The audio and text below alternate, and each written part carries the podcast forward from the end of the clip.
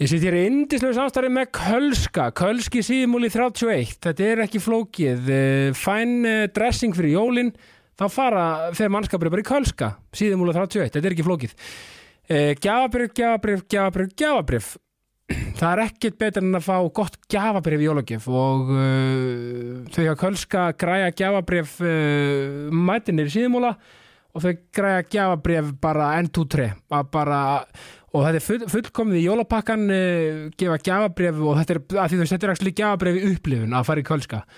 Uh, sér sömuð jakkaföt og ég veit ekki hvað og hvað. Þannig að allir að tryggja sér uh, fallegu og flottu gjafabrefin frá kölska í, í jólapakkan það er það sem fólk vill, það er bara svo leis kölski, síðumúla 31, gjafabref Ég sitt hér í indislegu samstarfi með matarkjallaranum. Matarkjallarinn aðarstrætti 2 Uh, vá, bara því líkir snillingar og því lík stemming og því líkur andi á matakællaranum matakællarinn, það er, það er sko alveg mögnu stemming á matakællaranum uh, lifandi tónlist, píanotónlist uh, yfir matnum á kvöldin.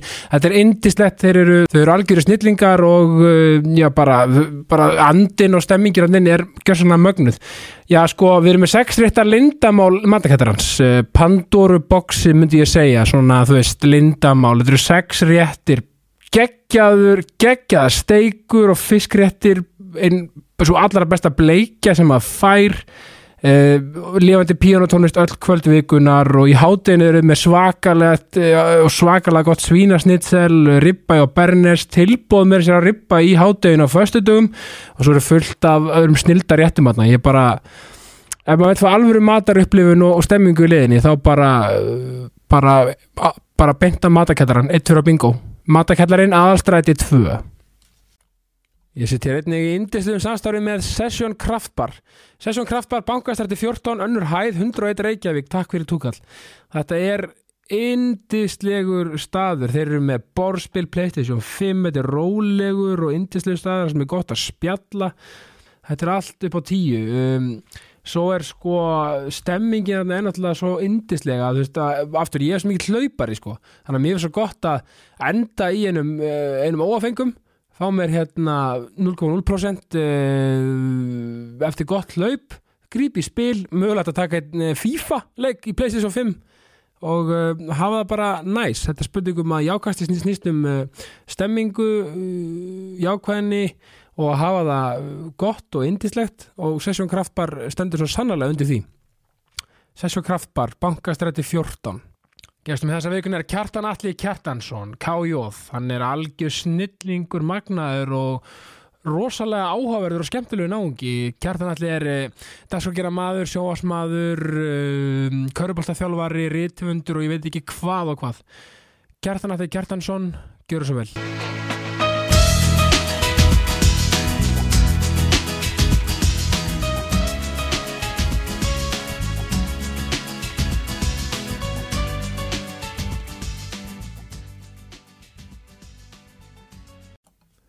Kjartan Alli Kjartansson, K.J.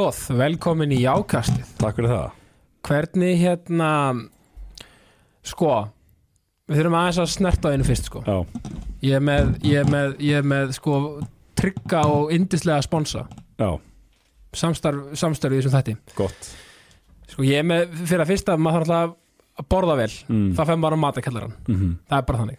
Aðstætti tvö, bara, þú veist, og það er svo gott í matakallaran, þú ert með píanoleik undir að meðan þú borða. Já.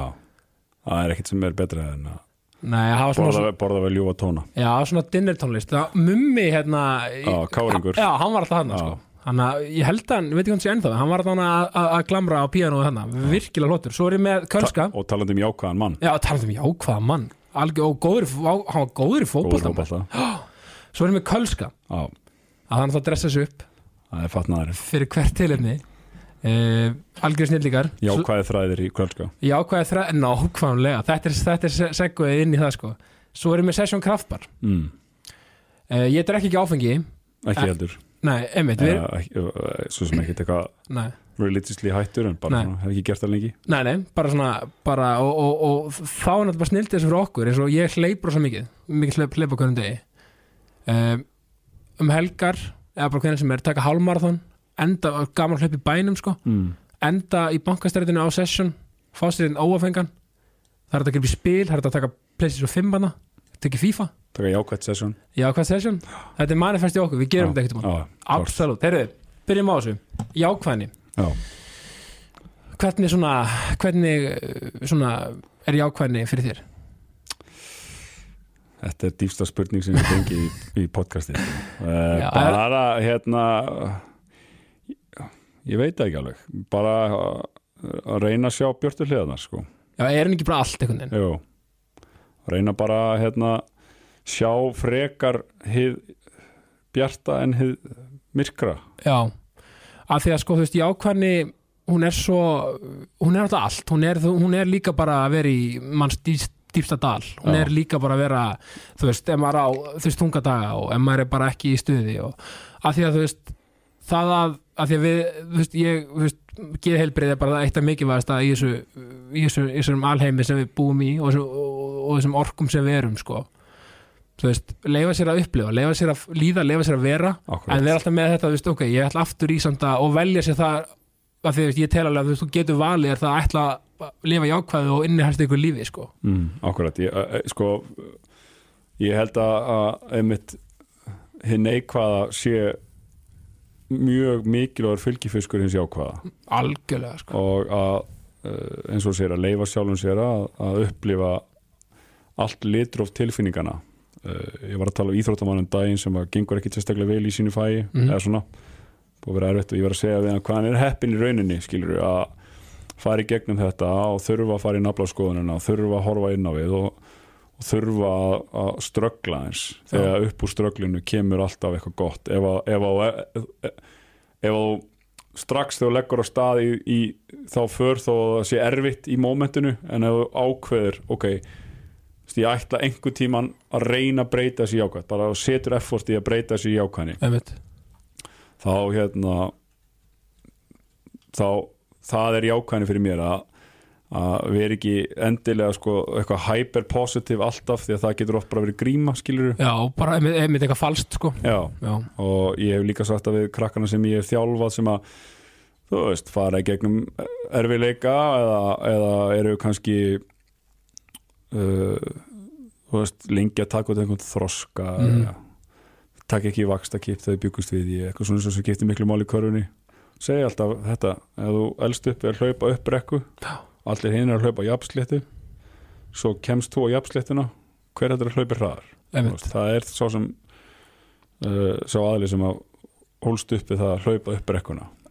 Þannig að mótvindurinn efli mann uh, og það er svona það sem ég er líka reynd að, horfa í bara í mínu lífi, að bara svona ok, þetta er shit í ákvörðat núna mm en uh, einhvern tíma mun sólinn skína. Já, þarna komum við aftur að því, þetta hafa alltaf þetta sko, að punkt að það er svo vond ef við missum sko sjónar á, á segja, sólinni, að þú veist, á, á punktunum sem er jákvæðin, þar að segja að því að veist, þetta er bara að horfa upp og, og, og sjá ekkert sko, það er vond ef maður sér ekki sko fyrir endan á einhverju, skilju, Já, sér ekki ljósi enda sér ekki gangana. ljós hérna gangana en og, þá það er líka alveg eðlilegt að það kom upp þannig moment í lífinu já, og, já, já, og að bara uh, að raunveruleikin berja mann aðeins niður skilur og hverstasleikin og svona, það gerist alveg. Já, hann er bara ógíslega erfiður oft sko, já, og þá bara stígu upp að þú veist skilur og bara eitt skrif í einu einmitt. og bara rísa upp.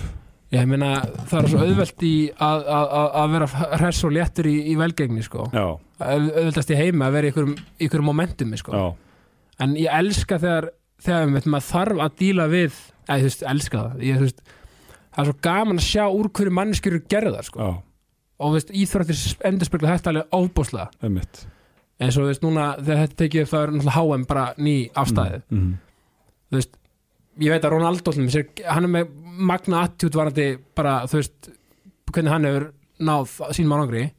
En hann er ekkit frábæri í þú veist. Allan hefur ekki sínt að undarfærið nei, já, ég er að segja það, skilur þú veist, það er ekkit, ekkit hérna, ekkit orðs að góð orka. Nei, nei, einmitt það er líka ákveðið orð, svona líkil orð finnst mér í þóttum, það er orka. Já, já, það, það er að hérna uh, uh, las hérna eftir, eftir góðan þjálfara sem sagði sko, hann segir við sína leikmenn ekki vera orku vampýra já, einmitt.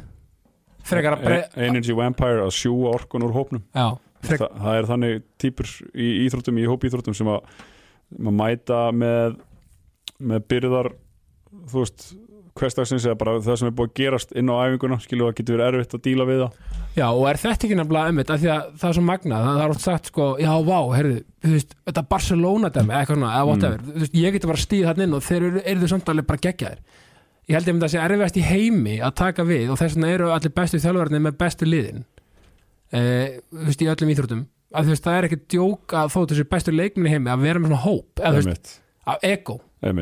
Og, og hérna, ég held að sé einmitt oft erfiðar að stíga, stýra að, veist, oft, ég held, að, held ekki ég held að sé bara miklu erfiðar en svo tala um Barcelona. Já, þegar Peppa með það var allir að tala um hvað var með góða leikmenn, hann stýri þessu hann, hann breytti hvernig knassbyrna er spilið já, hann bara breytti leiknum og, hérna, og geta gert það með alla þessa gæja og, og setja á sumu að tekur Görins og Týri Henry sem kemur sem stórstjarn og er náttúrulega búin að segja frá því þegar hann átti eitthvað svakalega leik hann tekið nút af í hálfleik því hann var ekki að hlaupa réttur hlaupin já, já.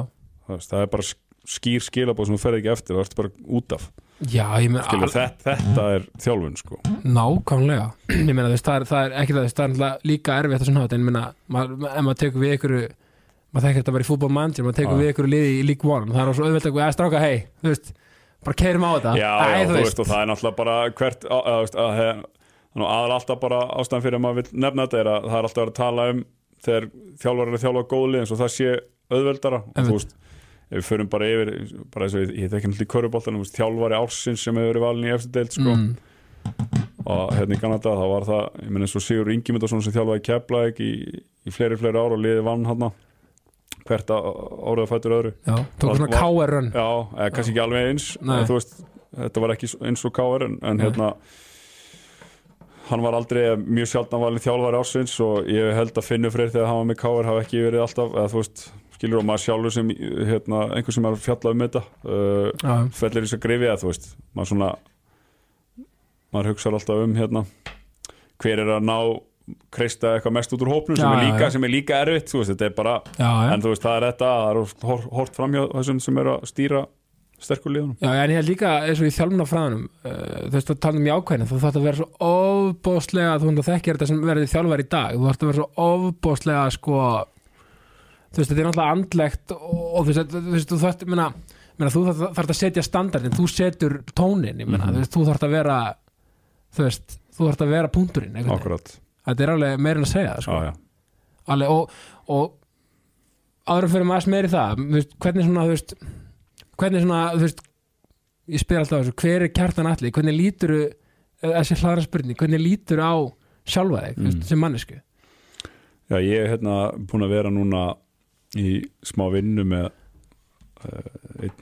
eitt bekk í grunnskóla inn á höfuborgarsæðinu þar sem ég er búin að vera að fara að ta tala við við hóp og partur af því sem ég vildi koma inn var einmitt þetta að þetta var Já. sem ég var svona hérna, að ræða við að þeir myndi horfa á sjálfan sig og spyrja hver er ég mm. hva, fyrir hvað stend ég og reyna að komast alveg að kjarnanum og við það þá gerði ég það við sjálfa mig skilur hann, ég, ég kjarnaði sjálfa mig Mm.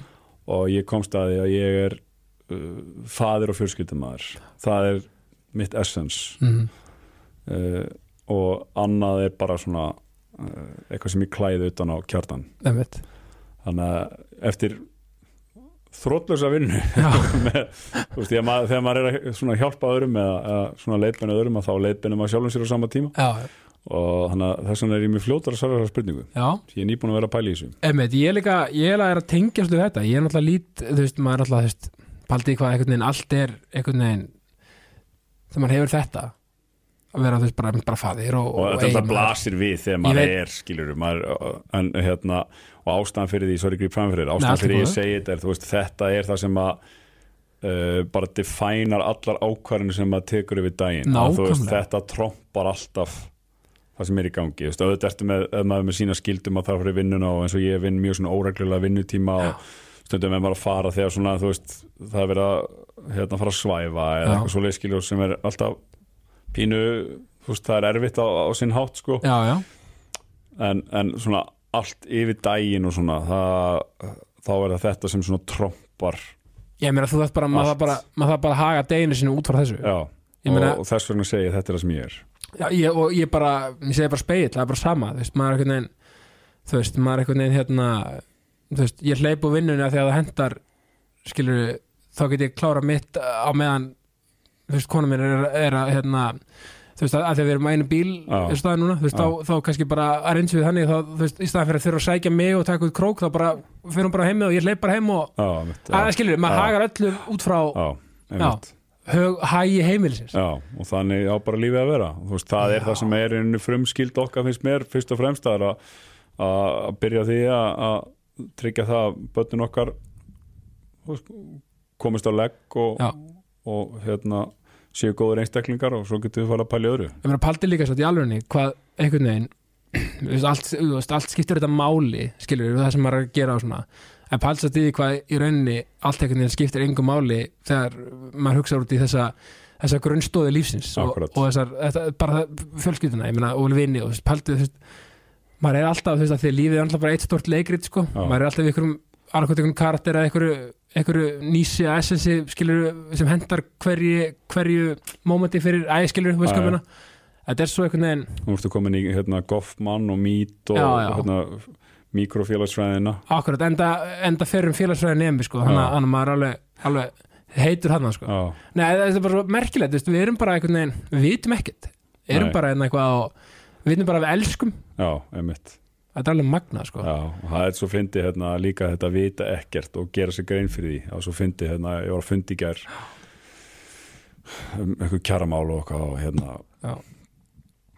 og og það er náttúrulega ég er í blagamannafélaginu og það eru lausi kjarasamningar og það er að ræða svona einhver málefni og eitthvað og, og hérna fyrst, ég svona var ekki alveg með kveikt á aðteglinni hérna ég sést þetta, þetta er þannig að þú veist bara svona opnum vinnustað þá er alltaf verið að tógi mann einhver áttir. Já. og ég er að fara á fund þá þurfti ég að sjá eitthvað ákveð sem við erum að vinna hérna í sjónvarslutanum og ég var dregin inn í eitthvað herbyggi til að horfa á eitthvað, eitthvað bút og einhver myndband en ég kem svona ég var að lappa inn á fundin þannig ég kom svona 90 sekundum sent á fundin ekki alveg með kveikt á aðteglinni hugsa það sem ég var, svona meðtaka það sem var að vera að sína mér Já. alltaf hunda á það bara Alltaf, já, og þannig að ég var ekki alveg með kveikt í byrjun og svo er ég svona að hlusta og ég er búin að vera að hlusta í svona tímiður þá er ég bara svona ok, ég skil ekki alveg út á hvað þessi fundur gengur eða svona hvað er í gangi og ég svona og, og þá fyrir svona að hugsa með, sem ég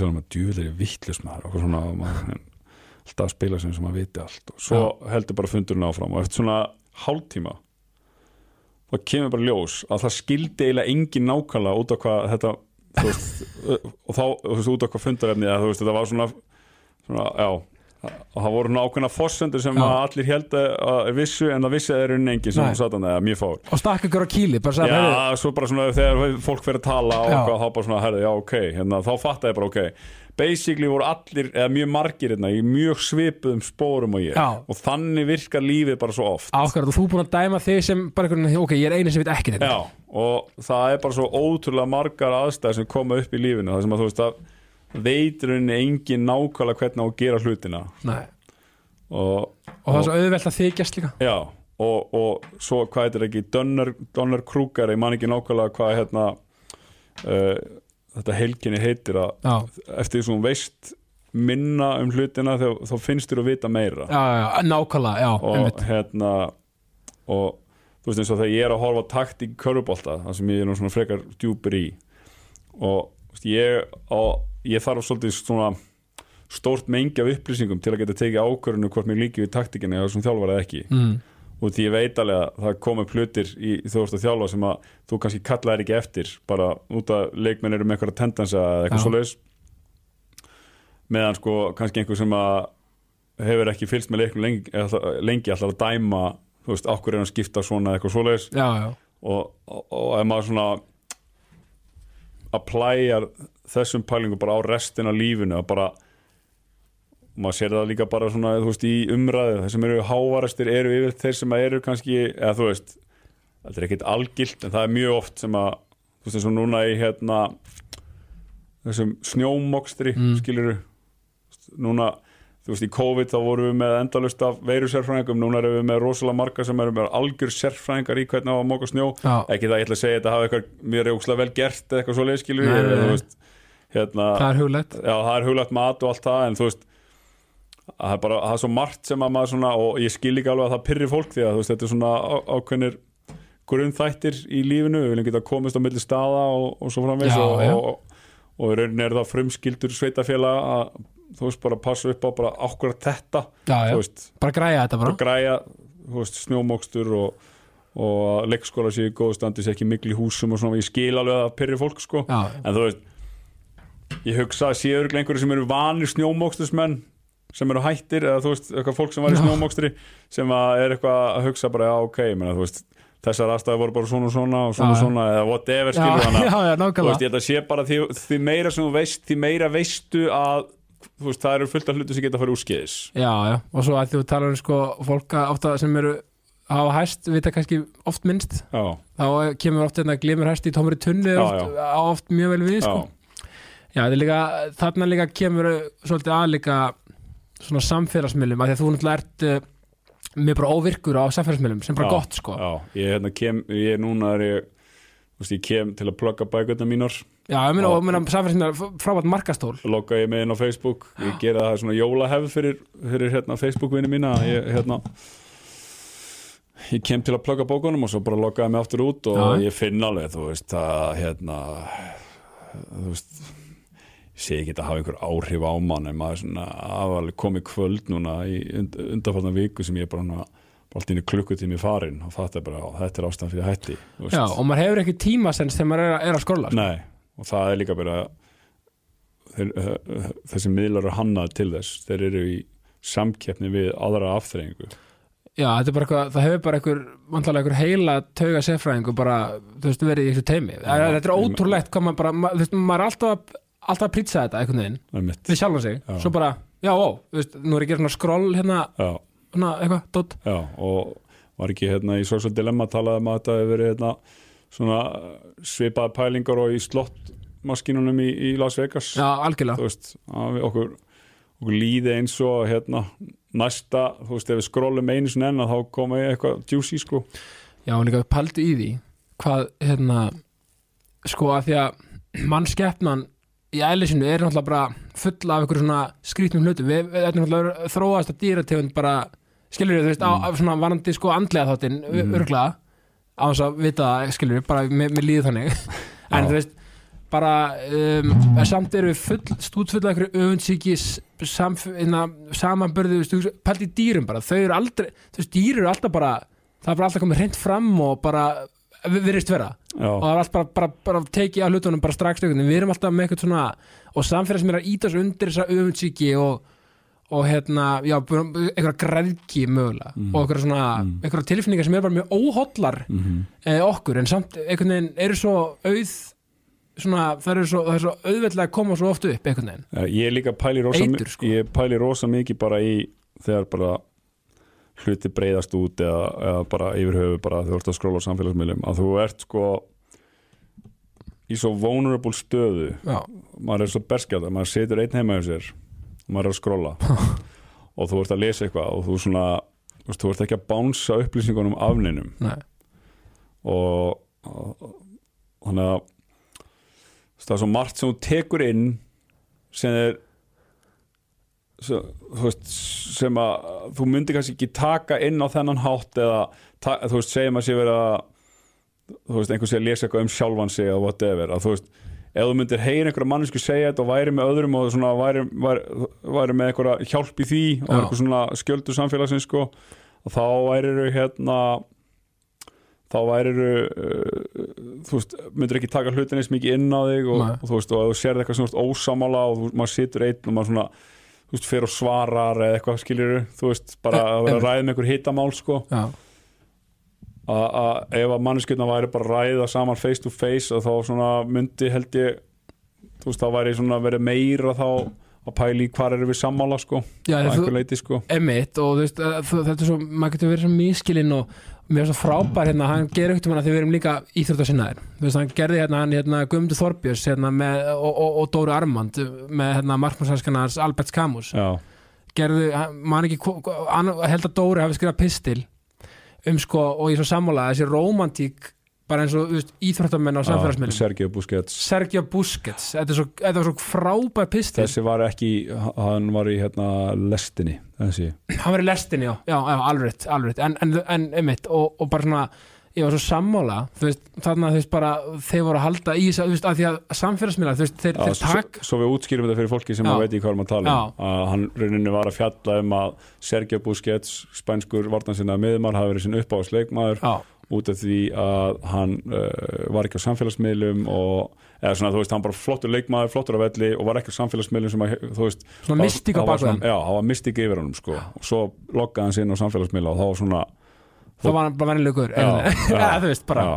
og ég tengi rosa við þetta sko þú veist, uh, þegar ég er átt ára þá fell ég fyrir rapptónlist Mhm. fyrst. Og það er eitthvað sem svona hefur alltaf lifað með mér og ég hef alltaf verið svona mikill hérna, já, mikill rapp neytandi Já, þetta var alltaf verið early 90s þegar rappið er svona alveg í, í, í, í, svona háflegum hann í Los Angeles Já, eða sko þetta er já, ég er, þetta er 92-3 þá sem sagt, hérna pappi vann hjá kananum upp á velli Já. og og vann með bandaríkjamönnum Mhm. og þeir voru alltaf svona vinir hans og senda mér svona segja honum að láta mig á þetta og þetta og þarna fæ ég hérna, Chris Cross sem maður já, já. og Jump. Chris Cross gerði, já, mitt lagi Jump og þessi, þetta var platan sem var á því, hún er totally crossed out og hérna Jeremy Dupree var svona maðurinn á bakvið sem var svo setna á bakvið Little Bow Wow Mm. og Chris Cross voru svona batna sensations í, í bandaríkjanum uh, voru í fötunum sínum öfugum já, og hárið upp eða ekki jú, svona, jú, annar þeir allan með eitthvað high top fade og, og voru alltaf í, þú veist, voru í öfugum körubolta og hafnabolta treyjum öfugum buksum, Ok. okay. veginn öfugt allavega þessari plötu Já. og út frá því það bara svona var ég þarna er rapp ekki stórt á Ísland og mér leiði alltaf eins og ég var eini Íslendingur sem hlusta á rapp sko Já. og ég man ennþá, þú veist, ég heyrði fyrst í, sem var þá líka eina mínum uppáhaldsjónsundum Lost Boys frá, frá Queens, frá, hérna frá Jamaica Currin í Queens, Mhm. uh, heyrði lagið þeirra í útarpinu og þá var það Robbie Chronic og þá var ég í fyrsta skipti og því ég bjó bara á Altanesi, ég var 11 og 12 ára það var ekkert að pæli hvort það var einhver útastættir um rapp eða eitthvað svolítið, þá fatta ég það er semst útastættir sem heitir Chronic og Já. Robbie Chronic var með það og, og þá fatta ég ok, það eru fleiri á Íslandi sem að hlusta á sama rapp og ég, svona Já. bara alveg rapp, ekki tone limited eða eitthvað svolítið skilur nei, nei, nákvæmlega. Uh, og hérna það sem var vissulega var rapp en þetta var þú veist, svona hip-hop. Já, þetta var þetta var svona svona partur af hip-hop menningunni þetta var, þú veist, hérna aðeins harðara stöf. Já, og bara erfiðar að ná í það og eins og þá, ekkert Spotify, ekkert YouTube þú veist, að kaupa diskana og ég var mikið í bandarækjunum og svona og, og áfram heldur líf mitt og, og það svo 98 97 þá kemur út platan uh, hérna Wu-Tang Forever. Og þar fyrir þetta, fyrir rappa á heiminn bara í nýjar hæðir því að Wu-Tang var bara mín uppáðsljónsitt þannig og ég svona var aðeins búin að kynna stemin þarna var ég bara dolfallin og partur af því sem að heilla mann við Wu-Tang og við bara allt rapp sérstaklega í Kanada var að einu upplýsingarna sem maður hafði voru úr Source eða XXL hérna, já, tímaritunum já, já eða bara í bæklingunum í gesludisknum Einmitt. Já, svo er þetta en líka því að við erum að tala um íþróttir sko. þetta er orðið líka þannig í dag eins og, veist, eins og hérna, Hjörvar vinnur okkar hefur, hann tók á þessum daginn. Þá var hann að tala um þetta þessa, þessa einstaklingsstyrkun í íþróttum þetta er Mbappe Messi, já, já, þetta er ekki Argentina Frakland að því meina, hvað með þess að bara HM 2006 þá var þetta bara Ítalía Þískaland, já, þú veist, undan úrslit. Á vestfali, eða skilur við en ef við myndum heimfært yfir á daginn í dag þá hafði þetta verið Totti á móti Lam, eða eitthvað, whatever. Já, já. Þetta er alveg magna hvernig að þró er, og, og aftur eins og hann kom inn á þetta er náttúrulega þessi bandaríkja væðing það er ekki svolítið í íþróttum. Jú, öruglega sko. Þessi svona markas eitthvað. Jú, það er pottet þetta er pottet komið þaðan sko. Það meðst það mjög áhugavert sko. Já, og þetta er náttúrulega það sem að sko þú veist NBA-deildin var náttúrulega markasett út á Michael Jordan á sínu tíma skilur, eða Magic Johnson, Larry Bird veist, það var eitthvað svona og, og Formule 1 er náttúrulega einstaklingssport en við Já, sjáum, já. þú veist, þú ert með Max Verstappen og Lewis Hamilton, þú veist, þú ert með það, það var eitthvað svona kannski eðli þróum bara, ég veit ekki e, já, ég meina þetta er kannski leið til þess að selja íþróttina, skilur mm á einhverju leiti en, en, og, og auðvitað er þetta líka ég meina, þú veist, 2006 þú varst ekki með þessar stjörnur kannski heldur í liðunum. Nei, þú veist, ef við svona aðeins reynum að vera devil's advocate í, í svitt og við sínum svona sammála Nei absolutt sko, reið sko, en ef maður absolutt. svona aðeins fyrir og, og svona dissecta þetta Já, að hérna, þú veist, Messi er náttúrulega bara einn stærsta stjarnar sögunar út með Mbappe sem er búin að fara í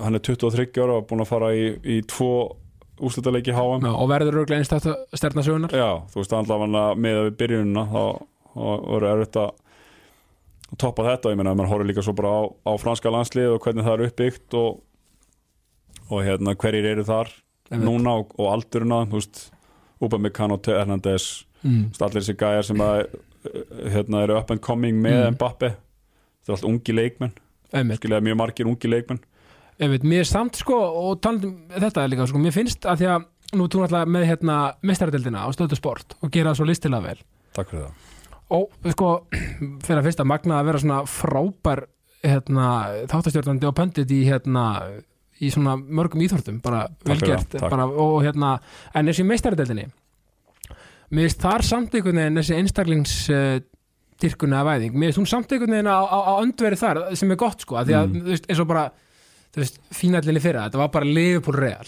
Æ, veistu hvað já, þú veist, að því að þarna er svo marga stjörnur. Já.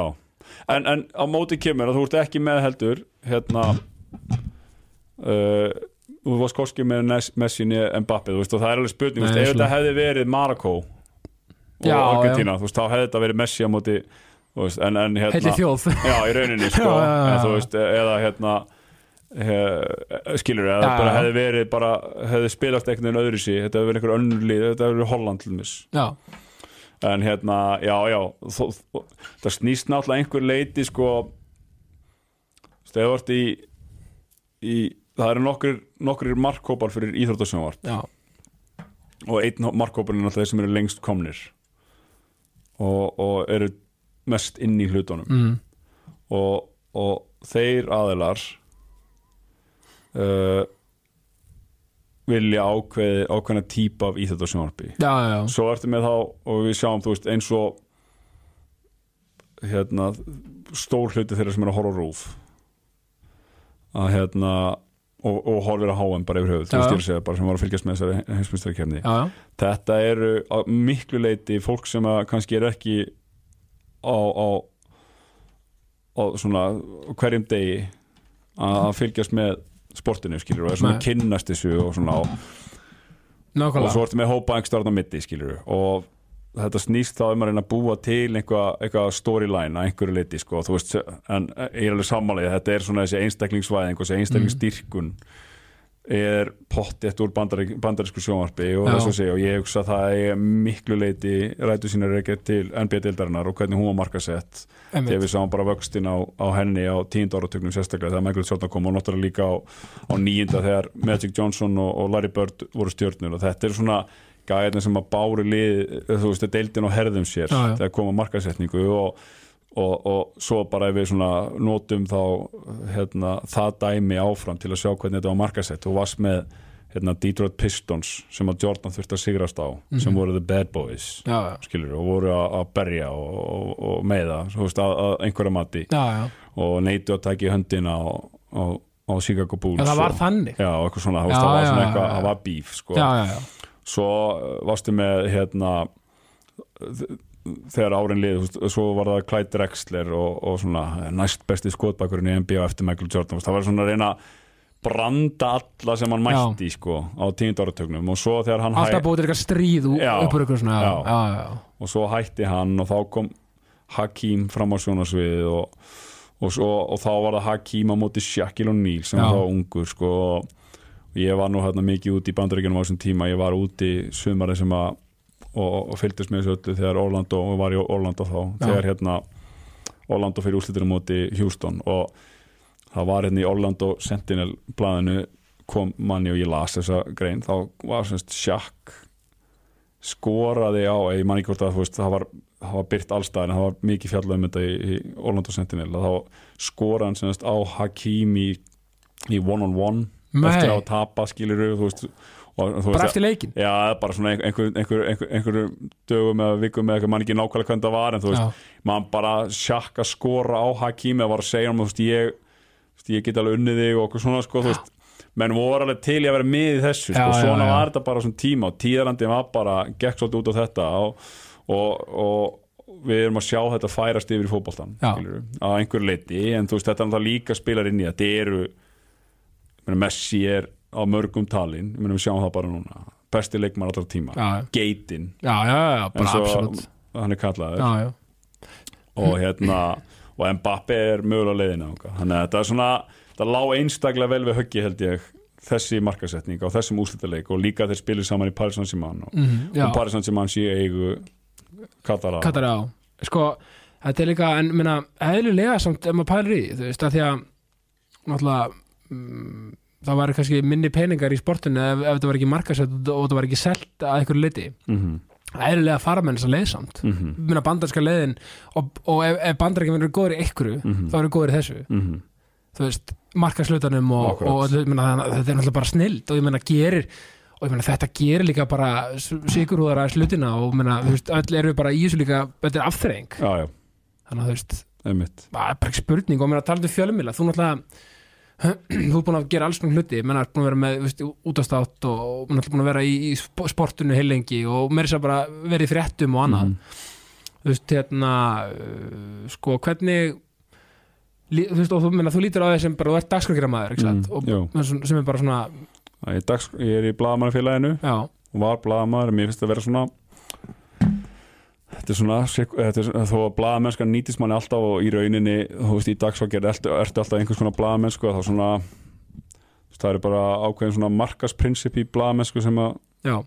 þú veist Já, það er svona það- að gera einhver skil sko. Já, ef, ef meina, blaðamennska þarf náttúrulega að vera svolítið óháð og ég meina svolítið svona, þú veist, þó að sé það kannski oft Já, það ég meina og, og margir þættir sem þú veist, í dagsfakir eru sponsaðir og svona, þú veist þetta er bara eitthvað sem að ég svona þarf að svona, hólfa skipta í haustum að mér sko. Já, já, ég meina það er bara gott að blessa það. Og ég meina þú ert með núna, núna þið ætla bara körfaldi kvöld og, og hérna og NBA þátturinn og NBA og, Mhm. og allt þetta, ég meina og, og, og, og þetta er ótrúlega skemmtilegt sko þið, þið matri, þú náttúrulega ert náttúrulega sko, þú og þeir sem gerðu körfaldi kvöld upprænilega, þið eru náttúrulega rauninni frumkullar uh, í íslensku fjölmjöra lífi að mínum að ég meina þið seti standardinu, þetta ástand kannski já, Pepsi mörkunum á síðan tíma. Mm. Pepsi-mörkin eru hérna uh, nú, nú, heyr, nú get ég bara sagt svona tenging í rappi, þeir eru the OG OG, já, Þeir, Pepsi-mörkin er svona sem startaði þessu og absolutt. síndi hvað er hægt að gera þegar kemur að, hérna, íþróttasjónvarpi. Já, já, minna hérna mamma er hérna hötta,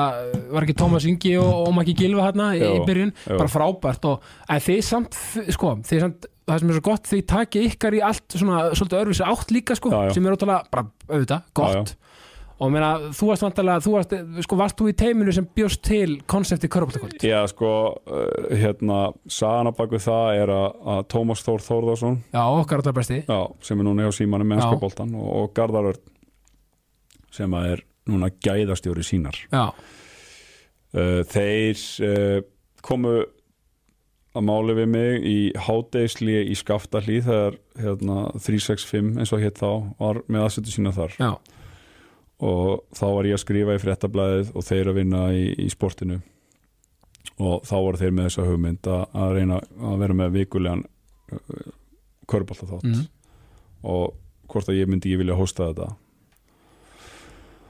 Og þú veist það var, jú, jú, svo bara kem ég inn og við, þú veist og kem bara með mína pælingar. Og þú veist þetta var ekkit komið eitthvað lengra en það, bara verið með þátt og svo fórum við bara við þrýr og Tommy átti alveg flottan þátt í því og, og, og veist, sem að kannski fólk veit ekki að, veist, hvað Nei. hann, hann svo framlengingin sem að er liður sem er ennþá í, í þættinum einmitt það er bara Tommy Já. og hann átti alveg og þú veist og átti risastóran þátt í þessu og svona að hjálpa okkur að móta svona tónin og svo bara var ég og Garða með honum í því að þú veist við Mhm. allir þrý bara saman í Já, þessu gott og, og hérna og Steppi sem var yfir klippur og er núna producent, hann var mjög instrumental í svo, en þú veist þetta er svona hópur bara sem að hérna var bara vinahópur þannig að skilur Já, já. og hérna og, og svo fórum við að pæla í sérfræðingum og, og fleiri og veist þetta bara svona það leggur held ég engin í íslensku sjónbið þú veist, jú, jú, þú veist, þú leggur að stað með eitthvað ákveð og svo bara verða hlutir að fá að þróast organíst og menniti með menniti með, sko, Mhm. þú veist, það er bara stemming e, og þetta er líka bara í íþróttaliðum og þetta er á vinnustöðum og svona, þú veist, það er bara þú getur ekki þvingað þú getur ekkert búið þetta til. Þú veist, bara býr til eitthvað umhverfi og svo þarf bara ákveðin hluti af, af, af vinnustæðamenningunni eða, eða andanum í hópnum að fá að, að þróast og vaks og dafna bara á, á, á sínum eigin fórsendum og það bara er það sem gerðist þarna sko. þetta var bara góð liðsheld sem að vann vel saman sko. Ótrúlega líka veist, að þessi þáttur sko, hvað, hann er búin að vera í gangi núna í hversu mörg þetta ár er áttunda árið veist, áttunda ári, ég meina þetta er ef maður setur þetta í samhengi mm, þú veist jú, ég meina, Köruboltan rúlar alltaf og er alltaf hérna í gangi skilur ég meina, það er kannski munurinn versus eitthvað leikiefni en ég meina, að vera í átta ár með, veist, þetta konsept mm þetta þú veist, þetta er alveg stórkostlega árangur ég meina, að því að þættir lifi ekkert alltaf svona lengi sko. Nei, nei, einmitt og hérna uh, og, það, og það er náttúrulega að fá að vinna við þetta er náttúrulega ókslega gaman þetta er, hérna, þetta er líka fórnir þetta sný, sný, snýst eða veist við, hérna, við steppi sem við erum búin að vera við erum svo tveir eftir sem hafa verið bara alveg frá upphafi mm. mm. Garðar er bara komin í önnu, önnu jobbin en svona, þú veist, Já, já, er já. okkur innan handar Já. að hérna, við hefum ekki gert neitt á fimmtudegi og föstudegi í átta ár Nei, yfir veturinn, við, nei. þú veist, í eftir áttunda árið sem að bara getur ekki gert neitt Nei, veist, við, slottin er á kvöldin já, og þú veist, þú bara föstaskvöldin og fimmtaskvöldin er bara dekkuð Já. þetta er forgangurinn þá uh, þetta er vinnan og hérna sem er óslega gaman og það er ótrúlega næs en þú veist ég held ég hafi farið eina ársatíð í þessu fyrirtæki skilur að þú það er á föstum svo einstökum sinnum eða þú veist það er líka, hafa líka verið á lögutum og þá var maður bara að vinna kvöldi áður og maður bara svona það er ég ætla nú líka að fá vel með fjölskyldunni sko, veist, Það hlýtur eitthvað, eitthvað föstudagur þar sem þú ert bara svona að græða fyrir þátt sem þú hugsa bara váka verið til í að vera bara dætt inn með pítsu heima núna bara. Já já það kemur alveg fyrir sko. Það er þess að svo gaman að það, það sem er erfiðast við þetta er sko að það er núna hérna núna eru þættir á Netflix sem heita Last Chance You. Já, það er um, um, um körbóllalið, junior college körbóllalið Hörri, já, ég sá, ég var flett, ég sá þetta, er þetta leikið nei, þetta er raunverulega Ok, cool, já, og, og mjög gott stöf og mæli með þessu. Já. og þar er það að tala um eitt, eitt leikmann sem er uh, ég veit ekki hvað ég fara djúft í hvernig þetta virkar þetta háskóla kerfi Já, þú veist, þú ert með hérna uh, þú veist þetta NCAA kerfi sem er semst hérna íþróttir í bandaríkjanum er, Mm. þú veist, þú getur verið, það eru svona samtök íþrótta, íþ- íþróttasamtök sem þetta NCAA svo ertu með NAEA og þú veist, með nokkuð en þú veist, þannig að þetta er bara basically eins og UMFI já, já, skilur já, já, þú veist, þannig að bara svona regli og samtök fyrir allar íþróttir já, já, sem eru ke keft innan háskóla. NCAA og svo eru ykkur aðri háskóla sem fyrir utan það eru með sín eiginu samtök. Emitt og svo ertu með junior college kerfið sem að er svona pínu starfa fyrir utan þetta að- þú getur farið á skólastyrk og þú átt semst fjögur ár af NCAA eligibility. Þannig að þú getur, verið, þú getur leikið fjögur tímabil í NCAA þess vegna eru þú veist, íslenskir krakkar eru stundum mjög verðmættir fyrir, bara fyrir háskólaliðin. Já, út af því að við erum að klára stúdendun okkar uh, 20 ára eða er ekki, og 19 ára jú, núna 1920, já, já, eitthvað svona, já. Og að búa verið gegnum 10 og 20 ára meðan krakkar í bandaríkjunum eru 18 ára þegar þau byrja í háskóla. Já, þannig að íslenski krakkar geta verið 20, 21, 2, 3 og alveg upp í 24 ára þú veist, setni hluta síðust annarina sinnar. Já, já, já. Á móti kannski 22 ára krökkum eða 20 ára, skilju, og kannski líka að spila við 18 ára, þú veist, þú ert bara miklu eldri skilju, bara, það er bara betra.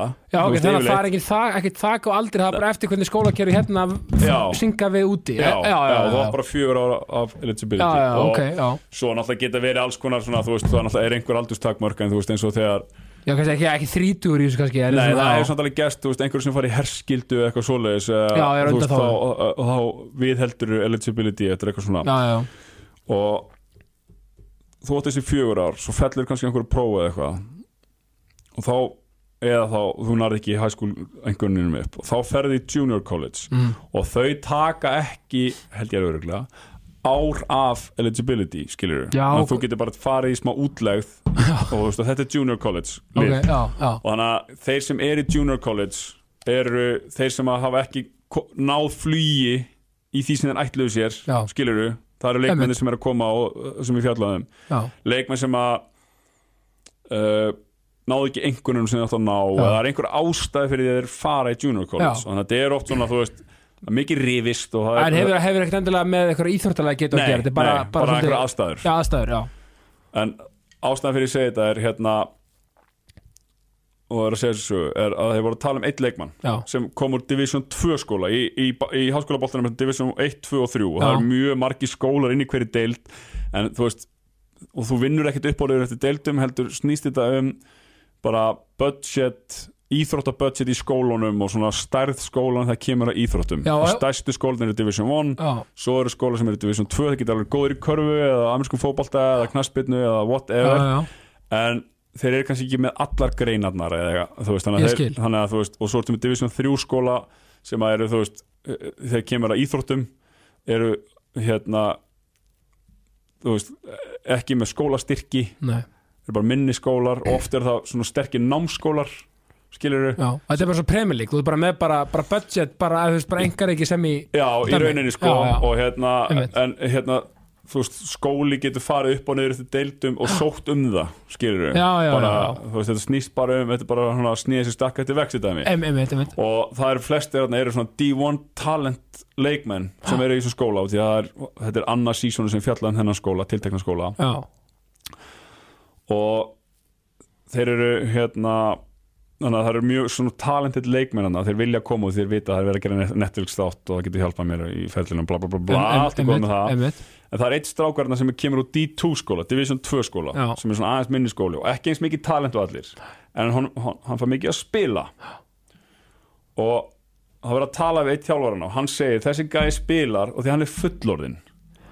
Og því hann veit það og hann segir þú veist ég var ekki búin að fatta að hans aldrei segir þjálfarinn. Já, að þú ert fullorðinn þá er alls konar dæmi gangi í lífuninu en þú mætir í vinnuna sérstaklega eins og þegar kemur að íþróttum eða kemur að performa eða vera í sjónvarpi eða eitthvað þá þarftu bara að geta slögt á öll í kringu já, þig. og bara deliverað. Þú bara þetta að delivera og bara, og þú veist, ef þú kemur með áhugir þínar inn á sjónvarskjáin eða inn í bara teimið sem er að vinna sem, og það er, það er veist, það kom alveg þannig kvöld þar sem maður þarf bara að vera fullorðin skilur, á föstaskvöldi, bara svona ok, mér langar miklu frekar að vera heima hjá mér eða þú veist, ég er illa fyrir kallaður eða, þú veist, en þá þarftu bara að geta, þú veist, sóna út allt sem er í gangi er bara og bara fókusa á okkurat, á leikin á Akkurat. það sem er fyrir fram að þig.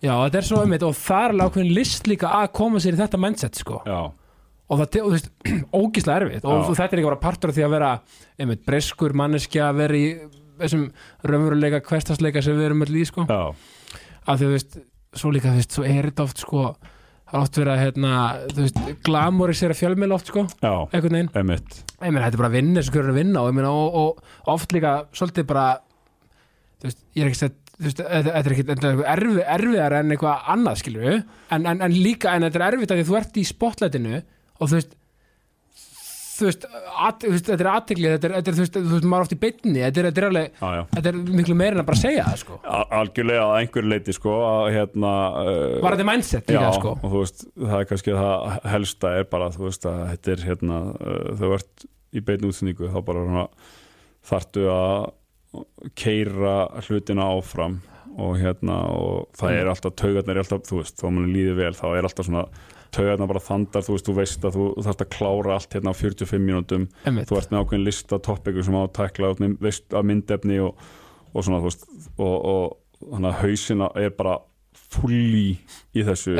Þa, það er triksið en hérna ég held að sé svona ákveðnir þú veist það eru uh, fullt af störfum.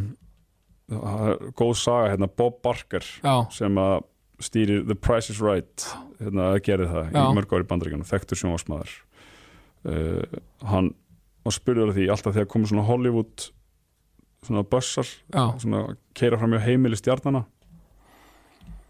þá fór hann alltaf úti hann var heima og heilsaði upp á fólki. Hann var eini, eina stjarnan já, innan gæsalappa. Eða skilur, bara og hann sagði bara, bara heilsaði markandu bara, sæli bara, Já, hann bara kom út á Já, heima já. sá, sá rúturnar það sem hann var að skoða bara, hérna býr Bob Barker. Já, og hann spurði okkur ferðu og heilsar bara fólkið? Og hann sagði því ég vil að halda áfram að koma heim til mín. Þegar ef þetta fólk hættir að koma heim til mín og Já. ég hætti að, að hérna draga að mér fólk já, þá þarf ég að fara að vinna. Ná, já. Er já, já, þannig að þú veist Já, Það já. er, ha- ha- og vissulega er þetta taugatrekkjandi og svona, skilur við Já, en þetta er enda, já. og þú veist og, og, og en þetta er forrættindi líka. Já, þetta eru forrætni líka og, og þú veist, íslenski fjölmer eru líka pínu öðru síð, þú veist, þú þarft Mm. bara skilur að ég, ég veit grínlaust ekki, þú veist ég er svona að reyna að sirka út bara fyrir sjálfa mig hvað ég tók margar beina útsendingar 2022, já, ég veit ekki hvað eru margar skilur það eru mjög margar. Mhm. og þú- veist, það er bara ég meina uh, þú þarft, þú veist, ég var á hérna geggið jólalhlaðborði í Sjálandum daginn mm, og Páll Rósinkrans var að hérna syngja. Já, og hérna ég var hérna með erlendum aðilum. Já. Ég var að segja, veist, þetta er bara eitt besti söngur í Íslandi sem er hérna að syngja fyrir okkur. Og þeir bara, ok, okkur er hann að syngja hér? Já, þú veist, bara það eru, þú veist, þetta er geggjaður staður og allt og svo flott og þetta er fáránlega flott jólalhlaðborð að hérna, þú veist, þeir áttu bara svo með að skilja bara okkur er þessi stjarna að spila fyrir, þú veist, það eru hundra manns hérna Já. inn í salnum og ég var að segja, þetta er bara Ísland. Þú veist, stærstu stjórn, ég man, ég man eftir þegar maður svo Siggu Beintins, þegar maður var í stjórninni í Ganada, bara hérna, stærsta stjarn á Íslandi að syngja í kringlunni og það var kannski 15 krakkar að- stóðu sviði, skilur bara fyrir jólin. Já, meina veist, þetta er bara partur að vera í, á örmarkaði að þú þarf bara að vera, þú veist, ef þú ert að vinna í sjómarpið þá þarftu bara að vera, fara aðeins oftar en þeir sem eru, eða skilur já, ég meina þú þarf svolítið bara að grænda. Já, þarf að grænda, en ég meina, þú veist, svo horfir á Stephen A. Smith E ESPN og hann er, og þú veist, hérna Skip Bayless og, og, og í þessum þáttum, að þeir eru daglega í þrjá klukkutíma, en með teima baku sig, já, já. En þú veist, þetta er alveg og á móti kemur eins og í á stærri marka er bara svona miljónsinnum erfiðara kannski að breyka já, þú veist, emitt þannig að þetta er svona já, já, og, og það sem að ég á alltaf erfiðast með að svona, að þú veist, það sem að ég talandi um að svona vita hluti sem að hérna vita mikið og vera ekki að dæma og, og, svona, þú veist, Mhm. og þú veist hvaða er bara hvernig er fjölskyldulífið hjá þessu fólki sem er þú veist þrjá tíma á dag í sjónvarpi að hérna, segja sína skoðanir og kannski svo að gestir þú veist í öðrum þáttum og Já, já. bara hérna lífið skilur og gerir ekkert annað og bara fyrir börnið er að vera til og, og já, hérna, þetta er þetta er rosalega svona bara svona, ég er að pæla í þessum pælinga þetta, þetta er mjög svona opinberandi og þetta er mjög svona já, þetta getur bara verið rosa svona þú hafa allir skoðun á, á, á, á fólki sem er skoðun sko. já, akkurat og þú veist og þú ert basically eins og þarna eru þessir aðalar að selja rauninni aðganga sjálfum sér og leifa fólki að hafa, og þú veist, auðvitað býrðu til þá vantar einhver svona persóna já, allt er góð allt er eitthvað svona að einhverju Mm. leiti sko, en hérna, já, þetta er þú veist, bara áhverð, áhverð að þessu, sko. áhugaðara pælingar Já, sko þetta er, farið er það bössið þegar hérna, eins og, eins og nú alltaf varstu með hérna hörvar í brennstunni í hvað, tvö ár, ekki? fjögur og hálft. Fjö, já, fjögur ár, hálf, vá, ja, fjögur ár og svo var ég ég held að ég hafi verið svona rétt tæp fimm ár. Hann var ekki hérna síðasta Nei, nei, nei, árið. Við vorum fjögur ár saman daglega og ar- rétt umlega það. Já, og, og- og point being, sko, þá er alltaf í beinni. Mm uh, svona ertu í beinni og svona ferðu en það bössið, sko einn, tveir og, þú veist, í beina? eh, sko það er svona þetta, alltaf stundum finnst mér þess að hitta nýtt fólk. Já, og þú veist, það er bara svona það er eiginlega tilfinningin sem ég fæ þess að kynnast nýju fólki. Já, og hérna, jú, jú, þú farið alltaf eitthvað bösk og svo bara svona að því veist, podcast versus útvarp er allt annað þú veist, það er auðvitað hægt að klippa til hérna Já. og þú veist, þetta er miklu, þú veist, ef við varum í er bara núna að spjalla í beinni, þá var þetta svona já, var öðru sér sko öðruvísi væp já, einmitt og svona meira sem einhvern veginn er undir þegar þú veist, maður getur alltaf bara snappað skilur já, já. þannig að hérna, já, já, þú veist og en ég, já, já, maður fær alveg bösk og svona og bara maður, eins og bara um ræðan, maður er misvel stemdur og, Já. og svona skilur og hérna svo er verkefnin mjög stór og, og, og, og svona en, en hérna já, jú, maður fær alltaf eitthvað ákveð sko, svo hérna ég er svona meðvirkur aðeinsfæri sko, mm. stundum finn ég ef að viðmælum líður ekki vel og þá þá byrja, þá svona fyrstu viðbröðu mín er svona ok, hérna, að svona pína líða eins og viðmælandarum mm en þá svona líka þess að fyndi þegar einhver er yang að þá stundum automatist verður maður ying sko. Já, og þá, þú veist, og ég heyri og þú veist, þá, þú veist bara eins og Joe Rogan. Mm hérna, með, hann hefur og, og aðrir svona sem eru, þú veist, eins og bara þegar Joe Rogan dæmið, þú veist, fólk er stressa að fara til hans því að það veit að það eru miljónir að hlusta. Og, og hann er góður í að svona, þú veist slökka á því, bara Já. segja eitthvað fyndið koma mönnum á sömu bylgjulend og hann einhvern Já. Já, það er hérna- góð punktur og, og því að þegar maður horfir á hérna Aftur það er bara orka. Það er ákveðin orka sko. Og hérna uh, og eins og maður horfir á bara íþróttasjónarp í bandaríkjunum og ert með hérna ert með uh, TNT þáttinn. Og þetta er og þegar núna, núna er að fara djúpt í hérna, sjónvarsfræðin Já, já, þetta er svona, ég segi þetta við það er í kringum mig tengda það minn hann er mjög fær smiður já, húsgarnarsmiður og ég segi alltaf sko þegar ég hérna þegar ég horfa í þetta sjónvarp það er eins og fyrir hann að horfa á húsgagn skilur veist, hans, ég sé bara komoðu en hann sér smíðamennskuna. Og hann sér í þetta sjónvarp en ég sé production og ef við skoðum bara svo þætti í bandrækjanum uh, það sem að svona uh, mikið af íþróttaþáttum þar þá eru litli hluti bara eins og að viðmælandi að sérst pönditinn horfir í kameruna Mhm. oft þegar hann talar sem er bara svona ákveðin leið þú veist, þá ertu að horfa á fólki sem er ekki að horfa á þig Já. sem er alveg, ég skil alveg pælingarna baka og mér finnst það mjög skemmtilegt mm. en svo horfir að vinsalasta íþróttaþáttin eða svona sem við verðum ekki tíðina það er Barclay, Shaq, Kenny Smith og, og EJ já, svo hún að tjá sig um háum um daginn líka, að mér fyndið. Já, að hérna, þeir eru bara að tala saman. Já, og ég held að það sé alltaf þú veist, uh, leiðin að þessu er að hérna að íþrótt og sjónvarp séu saman, þetta er þetta ákveð tífi sko, Já. en að svona í grunninn er þetta fólk að tala saman um sport. Mm. og að uh, áhorandunum líði eins og og, og, veist, og fólkinu heimi í stofu líði eins og það sé þáttakandi eða svona, þessi bara svona siti með og er bara svona hlusta eins og maður gerur oft þegar vinnum manns er að spjalla. Já, já, já, skilur, að það er, það er svona það sem að er skemmtilegast við þetta sko. en, en svo kemur inn í, þú veist, aftur þessi örmarkaður og, og, og svona og allir þekki alla og bla bla bla, skilur en hérna, já, Ég er svo af því að ég, ég nefnilega er hérna mikill, hérna ég er svona, ég man allt, sko, ég man, ég er svona að ég er alveg fótbolta bara, bara maniak, sko. Mhm, uh, og ég tengi við bara svona, já hérna, einmitt, gamla stafur, já einmitt, þá, þá vann hérna Blackburn 3-2 og Grant Hanley skoraði Sigurmarki Old Trafford og hérna, eitthvað svona, þú veist, ég tengi oft bara svona lífsins viðburðu, atburðu við leiki, já, einmitt 25. mæ 2005, einmitt, Liverpool hérna, Istanbul kraftaverkið, eitthvað svona. Já, þá vorum við að, út að borða hérna, eitthvað, skilur Já, við, já. þú veist, þetta Já. er svona og ég elska af því þú talar um íþrótta production, framlýslu eitthvað sem gefur mig gæsa húð eins og, Mm. mm. og þilmis á, á stötu sport þú veist, þið, þið þessu sturdlaslega flott sérfræðingatemi Mm. og, og þú að stjórna og, veist, og, bara productioni í kringum leikina veist, ég fæ bara svona sem algjör svona íþrótta sjónvarps svona, svona, mhm, svona rí- rínandi, Mhm. elska það og, og líka svona geggjaði trailerar, geggjaði svona eitthvað svona, svona postgame eða, eða, eða svona e- eins og það er dæma YouTube sem heitir Inside Anfield til að því ég liði på maður þá sér maður gaurin að mæta kom í göngin, þú veist hvað er að segja gefa fæf, hvernig svona einhvern veginn lab, hvernig labbaðir inn, já, já, ég elska þetta baku tjöldin sem er svolítið bandarist í mitt hérna, NFL, NBA dæmi þú veist og, og heyra bara svona dramatíska tónlist eins og, eins og til dæmis aftur Hjörvar gerði með hérna háum þetta já, já, trailerin sem hann var með, ég fekk bara gæsa já, hann Jóhann Kóif bara, þú veist þetta, húsh, bara hann gerir þetta rosalega vel já, sko. og hljóðheimurinn, íþróttum og allt þetta, ég pæli óbúslega mikið í þessu já.